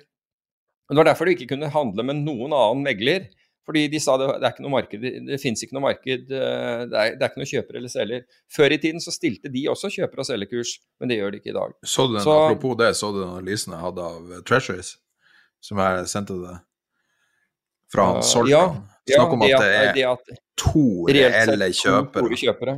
Ja, mm. to store kjøpere av den viktigste verdipapiret på jorda, Bank of America og JP Morgan, og de kjøper ja. veldig sjelden samtidig, og han insinuerer ganske sterkt at hvis begge to slår av samtidig, så har vi et verden, et globalt, et stort problem. Og han, han, sier ikke at det kan skje, men altså i noe så Altså, det her er jo det smarteste, største markedet. Selv der ja. er det Nest største, ja. Mm. Nest største, ja, ja valuta er større, ja. ja. Ja, og vi så jo det vi så jo bl.a. det under, under, uh, under covid-krisen i fjor. Da det jo, var det jo ville tilstander i det markedet. Og, og, det bedret seg først når, når, eh, når, sentralbankene kom inn og stilte priser, hvilket de burde gjøre, bare så det er sagt, i, i, det markedet, for det er deres marked. Men uh, da, da viste seg at uh, alle andre trakk seg bare bort. Slik at og Det er også en risiko som, som tas opp for, for, lite, fordi man tror, fordi man ser på volumdataene på slutten av dagen. Men husk på at de volumdataene er stort sett maskiner som driver og kjøper og selger til hverandre og ikke har tenkt å sitte på inventar. Så du får et feil inntrykk av det. Så markedet er mye, mye, mye, mye mindre likvid enn det du tror reelt sett. Um, nok sagt om det. Hvor, hvor, ille fått... er For du har snakka om det mye, da. I, i årevis, egentlig. Hvor, hvor, ille er det når ting eh, Når det fit hits the shan? Hvor ille blir ja, grein... Ja, det blir ille. Det blir veldig ille. For vi kan har ikke sett det skitt. Kan du ja, du, du, så, du så, Spille det ut, på en altså, måte? Ja, da måtte du gå mai, mai 2010, da. Uh, ja, flash crash. Hvor, hvor, ja, i sånn flash crash hvor, eh, hvor uh, amerikanske aksjemarkedet faller 9,2% altså uten noe som helst nyhet i det hele tatt. Ok, la oss, bare games, la oss bare spille et eller annet scenario. La oss si at den uh, La oss si at det eskalerer i Israel. Tror du det kan altså eskalere voldsomt? At de benytter seg av Samsung Option, f.eks. Det mest ekstreme utfallet i Israel. Ja, hva er det for noe? Samson Option er et sånn uh, pressmiddel Israel har for å sende ut atomvåpen på og gå til angrep på alle, alle omliggende land samtidig. Uff. Uh, la oss si at noe ja, sånn, altså, la oss si at noe da, opp til det større, da, har vi større, da har vi større problemer enn børsen, tenker jeg, men uh, hvis noe, noe så ja, men, Ok, men la oss si at, la oss si at Elon Musk blir arrestert. Han driver tilsynelatende alle verdipapirer om dagen. Men det han ja, han driver i hvert fall mye. Men, men, du kan si at jeg vet ikke om det ville komme som en lettelse jeg, akkurat nå. For å være helt ærlig. Hvis han ble det. Um, Hva hvis han blir arrestert, det, det... men han har telefon med tilgang til Twitter? Fortsatt. ja. Da tror jeg den blir slått av, for å si det på den måten. Nei, men jeg tenker bare, eh, OK, hva eh... Nei, men du kan si Hva hvis plutselig du får uten forvarsel 2 ja, men... på tiåringen i USA? Ja, men vi så jo, ja. Men, men vi så jo litt grann dette her når, eh, når eh, Og Bill Wang ble, ble, solgt ut av markedet, så så du jo noe av dette her i de aksjene han, han hadde. Det dumpet jo 40% altså Det var jo helt vanvittig hva, hva, dette dumpet, fordi det fantes ingen som ville ta tak i det.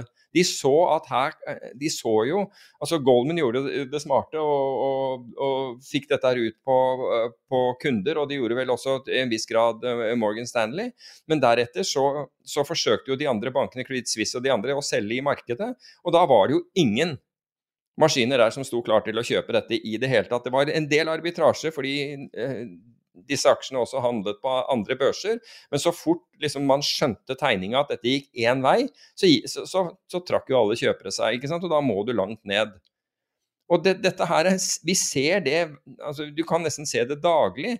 Og, og da er det i, I, forrige uke så hadde vi vel et, et par tilfeller, bl.a. Dagsen falt over 2% Jeg tror Nasdaq var ned 2,5% en dag. Hvis du ser de fallene, så ser du plutselig at det er ingenting. Altså det, det skjærer ned en halv prosent omtrent uten at det handles.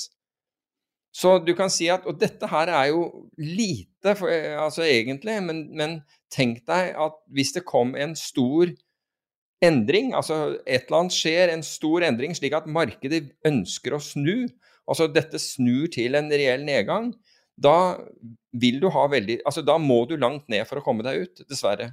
Det er ikke noen som Altså, det stilles ikke opp, sånn som det er ikke bøker for å ta imot det er sånn som f.eks. George Soros gjorde, men jeg kan garantere deg at han ikke kjøpte uh, disse aksjene som uh, de dumpet for, for uh, Bill Wang. Ja. han kjøpte vel alt fra Cheg også? Melvin, ja, han, kjøp, han, kjøpte mye av det der, men du kan si at han er, han er smart. Han går ikke og byr ja, jeg, ja, jeg tar det 2% under. ikke sant? Han tok det vel. Ja, OK, 30 ned, jeg tar mine.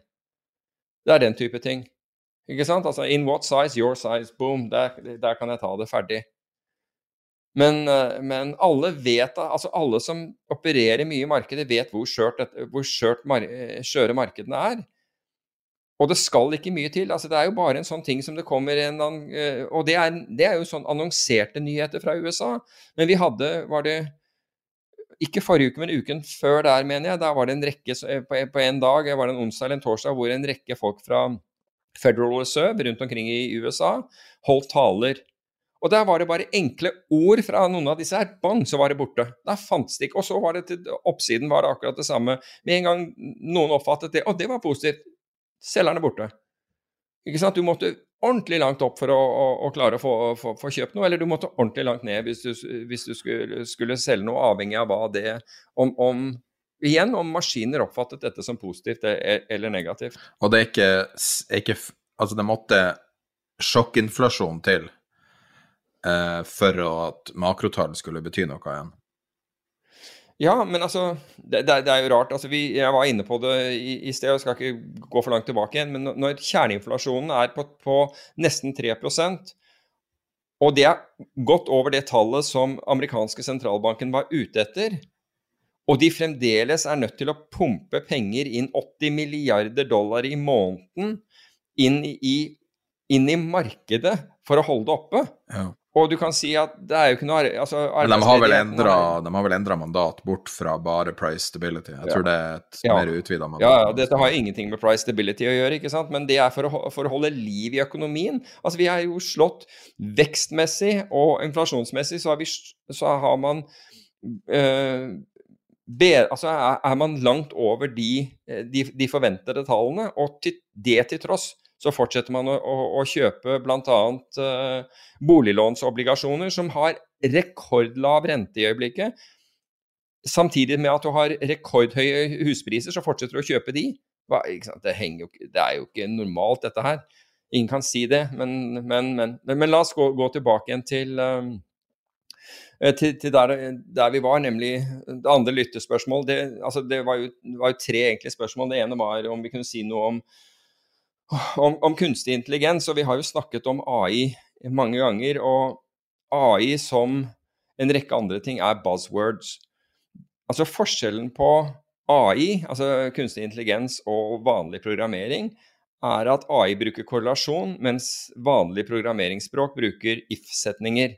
If det, så det, osv. Mens AI går og ser på korrelasjoner, og da, og da, skal prøve å finne sammenhenger som raskere enn det vi ville funnet ved ja, å bruke Ja, det er jo en del brute force der også. Det finnes jo flere strategier på AI.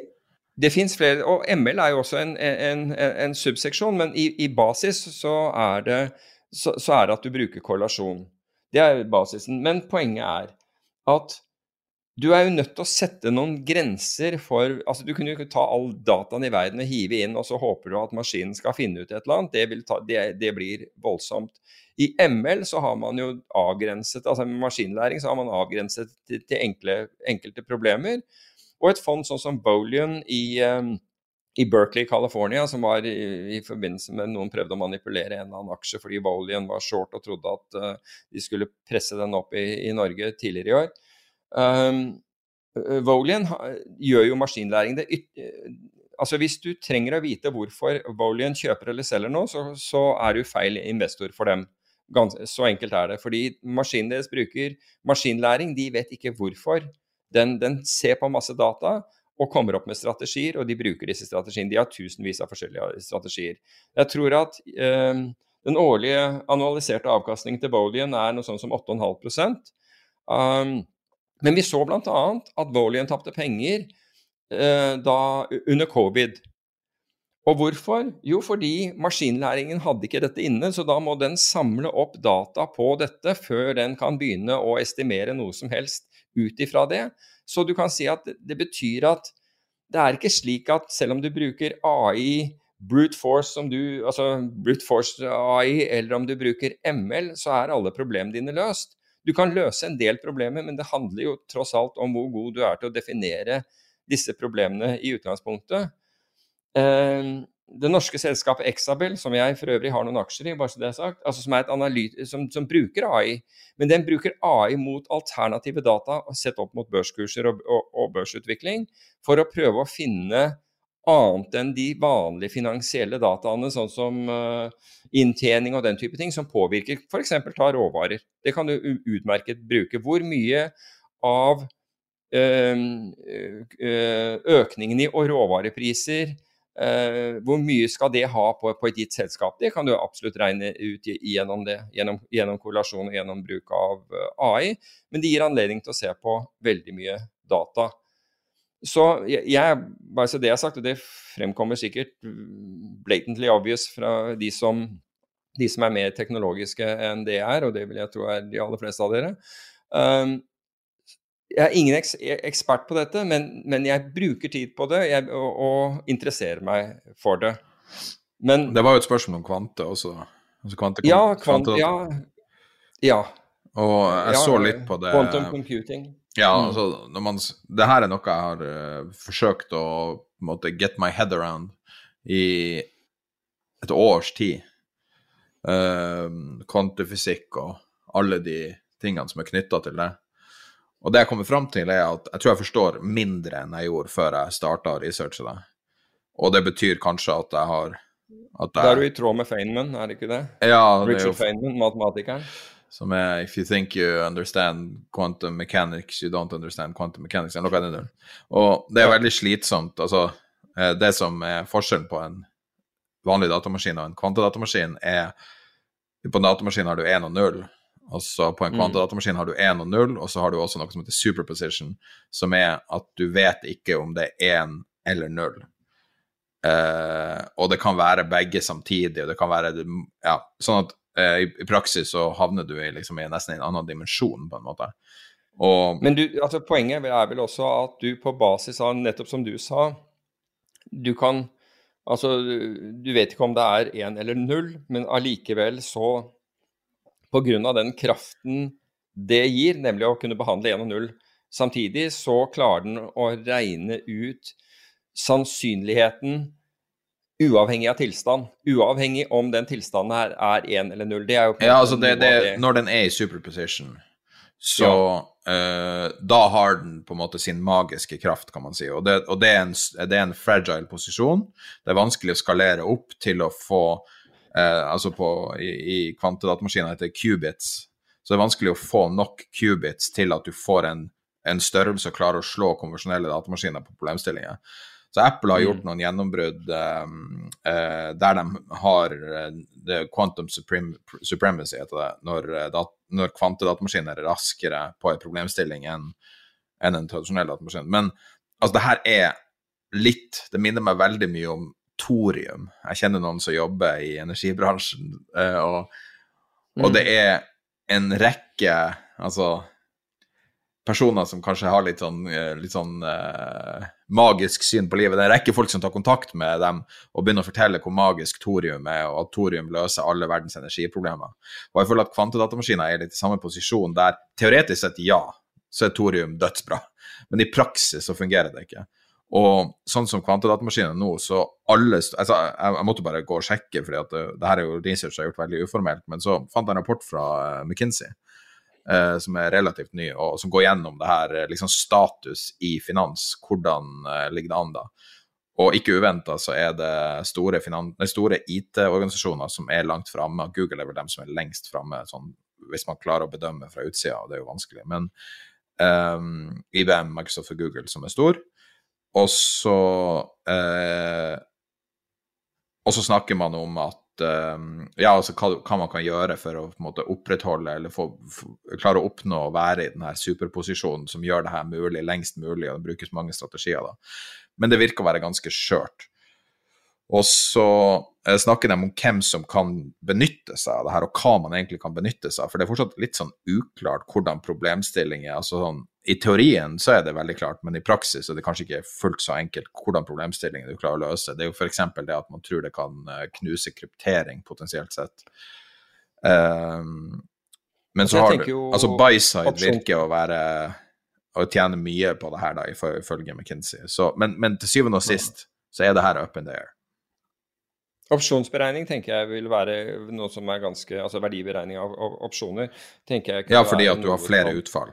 Og det er vel ja. sannsynligvis nettopp derfor det her. Nettopp, ikke sant. Og det, det at du da vil kunne beregne utfallet raskere ved, ved, ved, hjelp av det. Men, men, Goldman Sachs sier jo selv at de tror det er fem år før noen begynner å bruke dette her for noe alvor i, uh, ja. i finans. Og akkurat i øyeblikket så er det vel så er det vel mest for show. Ja, de har kjørt, Goldman har jo kjørt en sånn Monte Carlo-simulering. sånn... Uh, uh, statistisk analyse. Altså, det er jo en strategi som heter Monte Carlo. Eh, mm. Og da klarte de ikke å eh, få kvantedatamaskinen til å prestere bedre enn uh, Oi, virkelig? I, okay. for ca. et år siden. Mm -hmm. Sånn at de, de, satser alle på det her, men jeg tror at det her er akkurat så vanskelig å få grep om som det har vært siden dag én med jeg, jeg, tror det her eh, nesten er på en måte som å se inn i fire eller fem dimensjoner. Vi er laga for å se i tre dimensjoner, og jeg vet, om, mm. jeg vet, ikke om, vi er i stand til å mentalt håndtere hva det her er for noe. Men det jeg er rimelig sikker på, er hvis noen har fått det her til å funke, så holder de kjeft om det. For hvis mm. det her viser seg å være eh, det man eh, kan kalle et kvantesprang framover, så, så vil det jo være en en fordel som man kanskje ikke har sett sidestykket til noensinne i finans. Kanskje. Altså, så forbauser meg liksom at, at, det er ofte aktører med, som har forholdsvis begrensede ressurser, som er de som at, altså, som, som, som bruker disse uttrykkene, mens de som har virkelig har store ressurser og lang erfaring med, med knusing av data, de uttaler seg lite om dette. Og det tenker jeg er at det er, det er mer en hype enn noe annet. Men jeg tenkte på det, for vi, vi fikk jo det spørsmålet, og du sendte det over til meg rett før helga. Så tenk på det at er ikke det litt sånn at annonserte revolusjoner veldig sjelden blir en revolusjon? Da tenker jeg f.eks. la oss si selvkjørende biler, eh, som har vært veldig annonsert, og folk tar nesten for gitt at man skal få biler som kan navigere alle mulige slags veier fort. tenker jeg bare, Det, er, det er jo ikke noe for gitt. altså, Verden er uhyre kompleks og, og full av, av adhoc-situasjoner som er utrolig vanskelig å bedømme for en datamaskin.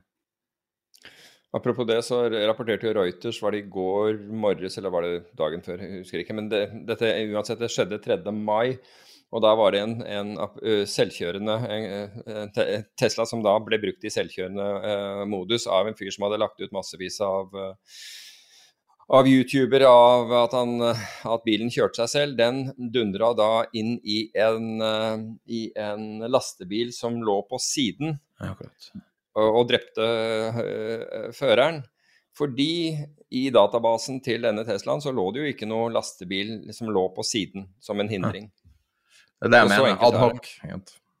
Verden er full av nye ting. Det er kanskje ja. ikke tilfeldig da at uh, California uh, sitt uh, veivesen, tilsvarende veivesenet, skal nå etterforske eller gå gjennom de her De sier vel at de skal gå gjennom de hevdelsene Tesla har med sin selvkjøring. Så, mm. men, men Dette det, var for øvrig i California. Ja, det skjedde 3. mai. Så det er sikkert mm. derfor de gjør det. Men jeg tror bare at sånne revolusjoner som er annonsert på forhånd, Altså sånn som VR, for mm. eksempel, mm. virtual reality. Det var jo sånn liksom Facebook kjøpte seg inn, og så begynte folk å ekstrapolere alt du kunne gjøre. Og så kom det der Google Glass, og så var det liksom At det ble annonsert. Men selvfølgelig, altså Verden er jo ikke som ei bok som ei science fiction-bok, liksom. Verden er uhyre kompleks. Ja. Selvfølgelig, En av de få revolusjonene som var forhåndsannonsert, var vel smarttelefonen, som var snakka om i mange år, og så kom iPhone plutselig og tok helt over. Mm. Men jeg har på følelsen av at mange av de, de, store revolusjonene, sånn som f.eks. mRNA-vaksine, at man endelig får ta det i bruk, og nå det får implikasjoner for masse andre sykdomsbehandlinger. Og det kom liksom ut av intet, selv om dem som var in the know, visste jo om det, men de fleste har jo aldri hørt om mRNA-vaksine mm. og, og potensialet for å kurere diabetes og kreft og alle mulige slags ting.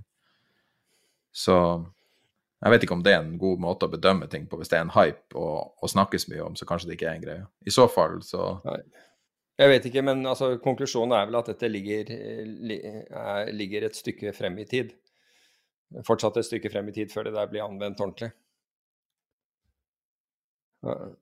Skraping av data var det også noen som spurte om, men det er jo ikke noen ny teknologi. Det har jo vært noe som har, har skjedd over lang tid. Og jeg går ut fra da at man mener skraping av finansielle data for å putte inn i algoritmer som da skal, som da skal gjøre noe. og um, Dette er jo delvis sånn der natural language processing, og, altså gjenkjenning av ting, og så nøkkelord og, og, og den type ting. Så det, alt det der finnes, men altså, du skal nok jobbe en del med det. Dette brukes jo i dag. Dette brukes jo av en rekke sånne high frequency trading-firmaer. Um, de aller fleste gjør det. De aller fleste av de store bankene ute, store investeringsbankene, gjør jo dette og har datamaskiner som, altså som, som, som gjør dette og, og, endrer kurser og, øh, og, og, rett og slett trade på, det, på, denne dataen. Jeg tror det er en tøff jobb for deg å, å klare å gjøre dette her uh, selv, det tror jeg. Altså, men du nevnte jo ved et eller annet, et eller annet tilfelle at og, det, var snakk om et eller annet du så, om det var på Twitter eller hvor det var, men hvor det var eh, hvor, hvor, dataene lå ute og, og, markedene reagerte, eller brukte lang tid på å reagere på det. Jeg husker ikke hva tilfellet var, men jeg husker at, at du nevnte det. Jeg, eh, det, det var en, eh, jeg husker når jeg fulgte Tesla, så var det veldig forutsigbart. Der du hadde mm. obskure kilder som du vet blir plukka opp på Bloomberg i løpet av fem-ti minutter. Og da og da kunne du se et klart og Jeg tror denne effekten for lengst ble arbitrert bort. Folk må jo ha sett det samme. Men når du mm. ser uh, uindekserte kilder, som f.eks. Electric eller noen sånne, sånne, sånne bransjesider som deler uh, ting som åpenbart er lekka med vilje av intern kommunikasjon, og så ser du det komme opp hvis du liksom bare følger random kilder, så ser du alle reposte dem. og så går det ca. ti minutter kvarter, og så kommer det samme som en flash på Bloomberg til 250 000 Bloomberg-terminaler. Og du vet mm. nøyaktig hva som skjer med det. Det betyr at alle de her eh, som har eh, både skjermtrading og automatisk trading og alt mulig, vil plukke det opp, fordi at da kommer det jo i deres system og på deres på måte, ja. plattform. Og da så du da en forsinka effekt veldig ofte. Men det var jo altså, Husker du når korona starta? Mitt aller første tingen jeg gjorde når korona liksom, Når man skjønte at det her var noe mer enn noe lokalt i Kina, så gikk jeg så på uh, shipping Nei, på, uh, på cruiseaksjer. Og mm. den var uendra. Så tenkte jeg ok, men da var det feil instinkt. Men, men det var bare et ja. marked som altså Det var ikke obvious hva som kom til å skje. Og det er ikke det jeg prøver mm. å si at, at, jeg har noe eh, At jeg klarer å, å, å, forutse noe som skjer på eh, i markedet, det er jo helt umulig. Men altså, det er jo ganske obvious hvis all reise stopper, så vil cruisebransjen bli hardt ramma. Mm. Høyt gira bransje også. Sånn at jeg vet ikke. Jeg synes at Hvis du ser liksom på den tida som har gått de siste ti årene fra uh, The Fear Index kom ut i 2011, så har ikke verden blitt mm. sånn som de på en måte spådde, at en datamaskin sitter og sniffer data fra sånne obskure terrororganisasjoner og ditt og datt. Jeg tror de gjør det også. Jeg tror bare ikke at uh, altså De som har suksess med det, de er vel antageligvis ikke opptatt av å fortelle verden om det, fordi de ønsker den der fordelen. Men det er vel riktig å si at, at det er jo kommersielt available software som for skraping av data, hvis du ønsker å, å gjøre det. Men du må jo da bygge din egen uh, interface mot, uh, mot, Jeg vet ikke hva du bruker, Python eller uh, eller hvilket, eh, hvilket språk, for å, for å, få dette her inn i en algoritme som du da skal som du da skal bruke. Og da må det jo være på basis av at, det, at visse ord skal bety noe. Altså du gir en, en vekting til, til, et, til, til, noen ord, altså, eller ord i en sammenheng, eller, eller hva som helst. Um, så jeg tror ikke du Det er vel ikke hyllevare å få, få noe til å til, til, å skrape og handle for deg. Det må du vel det er, det er, og I tilfelle så vil det ikke være verdt noe heller, for da ville alle gjort det med akkurat det samme. ja, det er jo masse API-er, da, sånn at du ikke trenger å skrape. Ja, ja. Uh, ja, ja, akkurat. Ja, jo, men at, nettopp at du får kjøpt uh, at, at, det er kommersielt uh, tilgjengelig, slik at du kan, kan, gjøre det. Men så må du på en måte gjøre tilpasningene selv. Da. Men er du enig i at det er jo sånne ting vi har toucha inn på mange ganger, at kunstig intelligens er vel og bra, men det burde være et menneske i loopen? Som tar beslutninger. Og bruke kunstig intelligens-feeder for å gi dem probability på et eller annet skjer. Men du tar altså, beslutninger. Jeg tror, Nei, altså jeg ville ikke tatt beslutningen. Jeg, altså jeg ville, ville, ha fulgt med på risk management, for å si det på den måten. Jeg, ville, altså jeg håper jo at, at, man kan programmere det til et nivå hvor dette her er fornuftig og, og ganske stabilt. Og så må man holde øye med risk management-biten av, av den porteføljen og sørge for at, liksom, den, at den ikke blir for tiltet mot et eller annet. Altså, dette, dette, kan jo også gjøres automatisk, men jeg har fortsatt tro på at, at du bør ha en, en, menneskelig oversight som kan få slått av hvis ting begynner å gå galt. Altså. Hvis dette her begynner å gå Og, og vi har jo nok av eksempler på det. Night uh, Capital var jo en av dem. Oanda oppdaget en, at maskinen deres begynte å handle en natt osv. Altså, det er det er, det er flere eksempler på, på, at maskiner går rogue. da. Um, sannsynligvis eh, en svakhet i programmeringen, eh, for all del, men du bør jo ha noen som Det der å gå og legge deg om kvelden, slå den på og så våkne opp om morgenen og lure på om du er rik eller ikke, eller fattig, i verste fall, det er, det er ikke noe man eh, det, det, er noe man bør være for forsiktig med. Men når det gjelder akkurat dette med skraping av data altså vi, vi skulle snakke så vidt der om, om, Musk, fordi han har jo i hvert fall sørget for store svingninger i de fleste kryptovalutaer, bitcoin spesielt, men også i Dogecoin uh, i den, den, uken som var. Og det er klart at hvis du begynner å skrape, og det gjør sikkert noen, nettopp å skrape hva han sier, fordi han er ganske tydelig når han, når, når han går ut og mener noe. Og for, for meg, altså, det er jo til de grader kursdrivende bare det at vi setter oss i en situasjon hvor det er én person nærmest som styrer store deler, altså som i hvert fall styrer krypto, men han, det påvirker jo også finans utover det. men Kanskje ikke i så stor grad, men det påvirker. Og så kan du lure på, i hvert fall gjør jeg det, eller i hvert fall har jeg tenkt på det, hvorfor i all verden gjør han dette? Altså det er Én ting er å si at du har asperger, men liksom som en unnskyldning på, på, på det forrige, når, når, han gikk ut og sa altså Når han plutselig slår av i forhold til å, å, å tillate bitcoin brukt for å, for, som betaling for, uh, for uh, Tesla, så er det mange som sier at ja, men det skulle bare mangle med, med den energibruken. Ja, det, det, er greit, jeg kan kjøpe det argumentet også, men det visste jo Musk før. Altså, det var ikke som om han ikke hadde peiling på at, uh, at det var en debatt om bitcoins energibruk før det.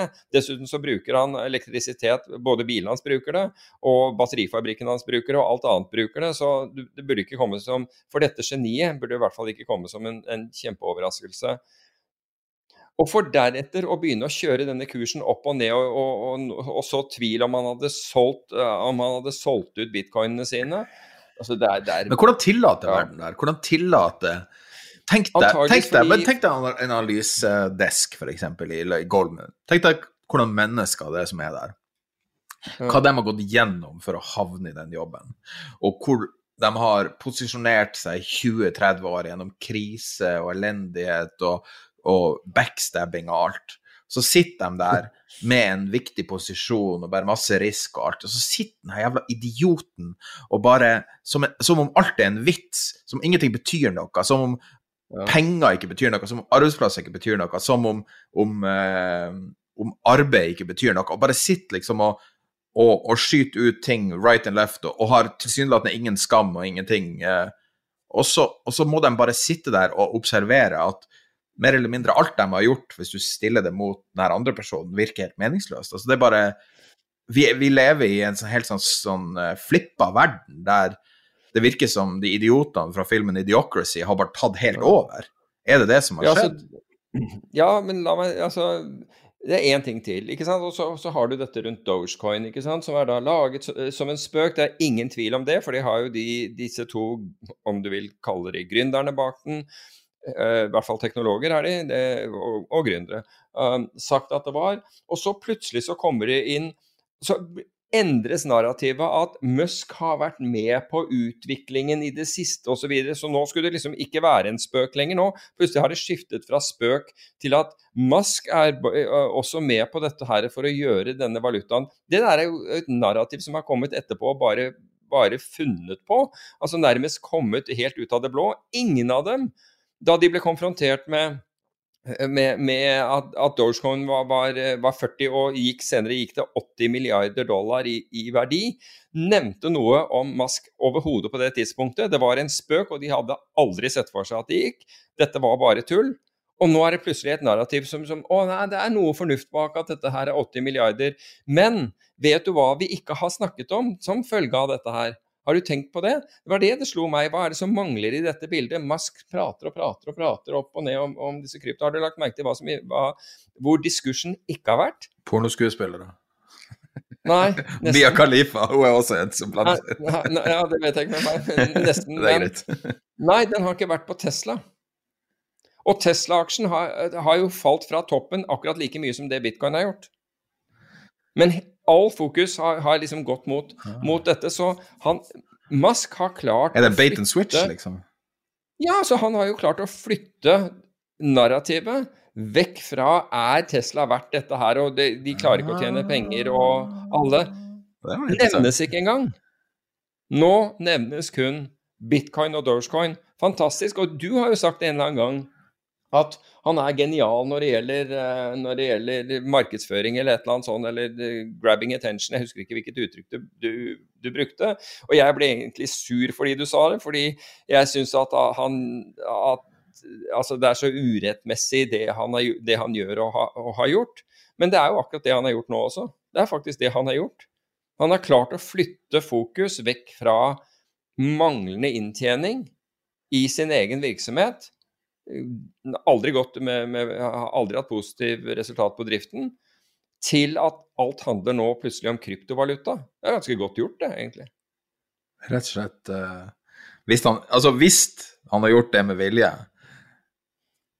Noe jeg ikke tror mm. han har gjort. jeg tror det, det, er så typisk man prøver. Jeg, Men hvis han har gjort det med vilje, så er jeg enig, da er han et geni. Men jeg har aldri sett han gjøre noe som forklarer det her begrepet geni. Det jeg har sett han gjøre, er å gjøre det samme som Donald Trump gjorde, som er å eh, ordne seg sjøl statistroller i filmer, der, filmer og TV-serier der han klart og tydelig sementerer sin tittel, i Donald Trumps tilfelle som rik, i Elon Musks tilfelle som et geni. Der han gikk Mhm. fra å være en nobody til å være en mega somebody. Og alt starta mm. med eh, Iron Man. Og jeg bare syns det, det er et interessant aspekt i det. Og hvis det er tilfellet at han var så kalkulert at han fulgte den samme strategien som eh, som Donald Trump gjorde der, og Donald Trump er jo helt ubestridelig et mediegeni, det går ikke an å si at han ikke er det, med hva han har fått til ut, med, med så lite ressurser. Eh, Men da må man si at, eh, at Musk virkelig er et geni, men han er kun et mediegeni. Det er mitt Ja. det er, Ja, det- Som en hende, som en veldig, veldig ydmyk podkastprodusent. Hva er det han gjør Han som gjør han til et geni? Han har i hvert fall fått diskursen vekk fra eh, lønnsomheten av, eh, av, eh, av Tesla. Og, og Nei, det er en bra analyse. Jeg, jeg kjøper den totalt. Mm. Så En annen en som er for øvrig veldig god på PR, det må jeg si er Arctic Securities. De har vært gode. altså nå kom det nye avsløringer i dag. ikke sant? Det er, altså, Arctic er er ja takk, begge deler. Vi skal være både investorer, altså vi skal konkurrere med kundene våre, og vi skal tjene penger på kundene våre, og så videre, våre, og vi skal være, vi skal frontrønne kundene våre, og det er liksom ikke måte på. Men altså, de er altså, sånn PR-apparatmessig kjempeflinke. Passer på å nå pushe penger til, til han eh, Haaland. Ja. Braut Haaland, liksom. Altså, de gjør jo alt det der. Og, og en sånn kommentar til Finanstilsynet at de var overhodet ikke enig i at de hadde gjort noe galt, men de syntes det var selvfølgelig synd at Finanstilsynet sa at de hadde gjort noe galt, så de vil jo da selvfølgelig rette seg etter hva Finanstilsynet sa. Det er jo, det er jo genialt. Det er, det er, og når Braut Haaland kom på, på, på toppen av det hele, ikke sant? og du sponser golfere og tennisspillere og alt, det er ikke dårlig. Men akkurat det der å sponse ja, de aller beste, syns jeg, det synes jeg er en smart manøver. Å bare Ja, gå for de aller beste. Jeg, sier jo det. Og hvis Jeg de har lyst til å sponse Norges største finanspodkast, så vær så god. Kanskje, kanskje vi klarer å se jeg- litt mer positive ting. Jeg Plutselig så er det veldig mye interessant der. Jeg tror jeg diskvalifiserte oss fra det med den, den kommentaren, men, det, men du skal aldri si aldri. Jo, men tenk deg nå, de sponser eh, Zuccarello, Zuc- Zuccarello Zucca, whatever. Eh, de sponser. Kasper Ruud, som er topp Ja, ja. 10 i verden, Ja, ja. eller noe sånt. Topp 20 i er verden. Og verdens beste fotballspiller, og så tidligere sponsa verdens beste sjakkspiller. Jeg syns det er smart. Mm. Hvorfor Ja, ikke? jeg, ikke at Hvorfor ikke? jeg, jeg er helt enig med deg at det er smart, jeg. De, altså, du må ikke ta det som noe annet. Jeg syns det er kjempesmart. Jeg synes det er kjempesmart. Altså Snakk om cover all bases, men det er, det er kjempesmart. De får navnet sitt der ute og hele greia. Så det er absolutt uh, kjempesmart. Men når vi var inne på dette Men har du altså, blitt kontakta av Red Bull? Vi har jo et sånt drømmesponsorat med at du skal bli sånn Red Bull-atlet. Ja, det Men det hadde vært artig. Jeg synes det, vi, altså Vi begge sitter og drikker Red Bull nå. Eh, Ja. Forrige episode så hørte du du åpne en boks Red Bull. Jeg er helt overbevist. Jeg bare gå inn og sjekke om de har lagt deg inn som utøver på Red Nei, men da må jeg Altså, da, da tror jeg jeg må ta opp basehopping-karrieren. Nei, nei, nei, nei, nei. Verdensmester i Fortnite, en nordmann. Karsten okay. Warholm. Han sponser er Red Bull. Yes. Anders Men- Sandvolleyball. Og så har du Dennis Hauger. Det hadde er artig. Nok en nordmann. Dennis. Hauger er jo Det er, for, det er jo fantastisk. Jeg så det live, det F3-løpet. Ja, Eh, samme her. Og her står Peter Warren. Jeg traff han nede på Ru- i, i Nei. Rudsk- jeg, jeg traff han uh, for øvrig Dennis Hau- Hauger nede på Rudskogen i fjor. Og, um, ja, og, og, faktisk akkurat et år siden, tror jeg. Og, og um, det var rett før jeg skulle, skulle operere, så ble jeg han og, og Cedric Heisman eh, tvunget ned i en sånn racing go- go-kart for å kjøre den. Ikke den der vanlige du kjører rundt, jeg hadde kjørt noen runder rundt med min datter, men inn i en sånn racekart og kjøre rundt. Det var ganske voldsomt. Det var artig å kjøre, da. Men det går Mot dem? Nei da. Altså, Dennis kjørte den eh, en del runder først. Og da, så du kunne se hvordan det er når noen kjører ordentlig fort. Og det gjorde han. Uh, han, uh, han er god. Han er god. Det, Ja, det må sies. Nok en grunn til Men, eh, å bli sponsa av Red Bull. Det her må vi jo få til. Nok en grunn til Vi jobber jo med et byrå nå som er satt på oppgaven, men, men det spørs jo Det spørs jo Men, eh, kjørte han, starta han i kartingmiljøet, eller hvordan starta han? Ja, det mente jeg. Det mener jeg han gjorde. Ja, ja, for han er jo veldig ung, ikke sant? så han, han gjorde nok det. Det er ikke alle Men, som eh, starter var- der lenger heller. Det er jo også en bransje Det var artig å se han eh, kjøre den inn og Og sånn forsiktig venstrebremsen, så han liksom fikk slipp inn i, i, i svinger. Ikke mye, men, men nok. Det, det, er klart at når du kjører det han gjør nå i dag, altså Formel 3000 i dag, det, det er Formel 3. Altså jeg kjørte for, ja, unnskyld, Formel 3. Jeg kjørte Formel 3 for mange mange, mange år siden. Uh, men i forhold til de, det de kjører med i dag, ser jo helt annerledes ut. Det ser jo nærmere en Formel 1 ut, selv om jeg vet at det er en stor forskjell. Men det er en ganske rå bil. Det er jo det. De sier at overgangen fra Formel 2 til Formel 1 er helt absurd. Så ja, det har jeg hørt. Jeg har hørt. Det er vel bremsen som er den største forskjellen, tror jeg. Og gre ja, altså og bremsinga. Og, og, og, det der til å begynne med at du, du, du, må bare ikke finne på å røre gassen i svinger, sier de. En venn av meg kjørte, kjørte på Paul, Paul Ricard, altså Formel 1. altså Selvfølgelig ikke de, de, de, nyeste bilene, men dette var en sånn avdanket Formel 1. Men uh, han sa at uh, da hadde han kjørt enten Formel 2 eller et, en eller annen Formel i noen dager før på samme bane. Men idet han ble spent fast i den der, så han var et bilde av han, og du ser bare de hvite øynene. Det var, det var, helt gærent. Og han sa at han fikk, fikk da den beskjeden ikke finn på å røre gassen i svinger. Ikke bare ikke tenk på å gjøre det.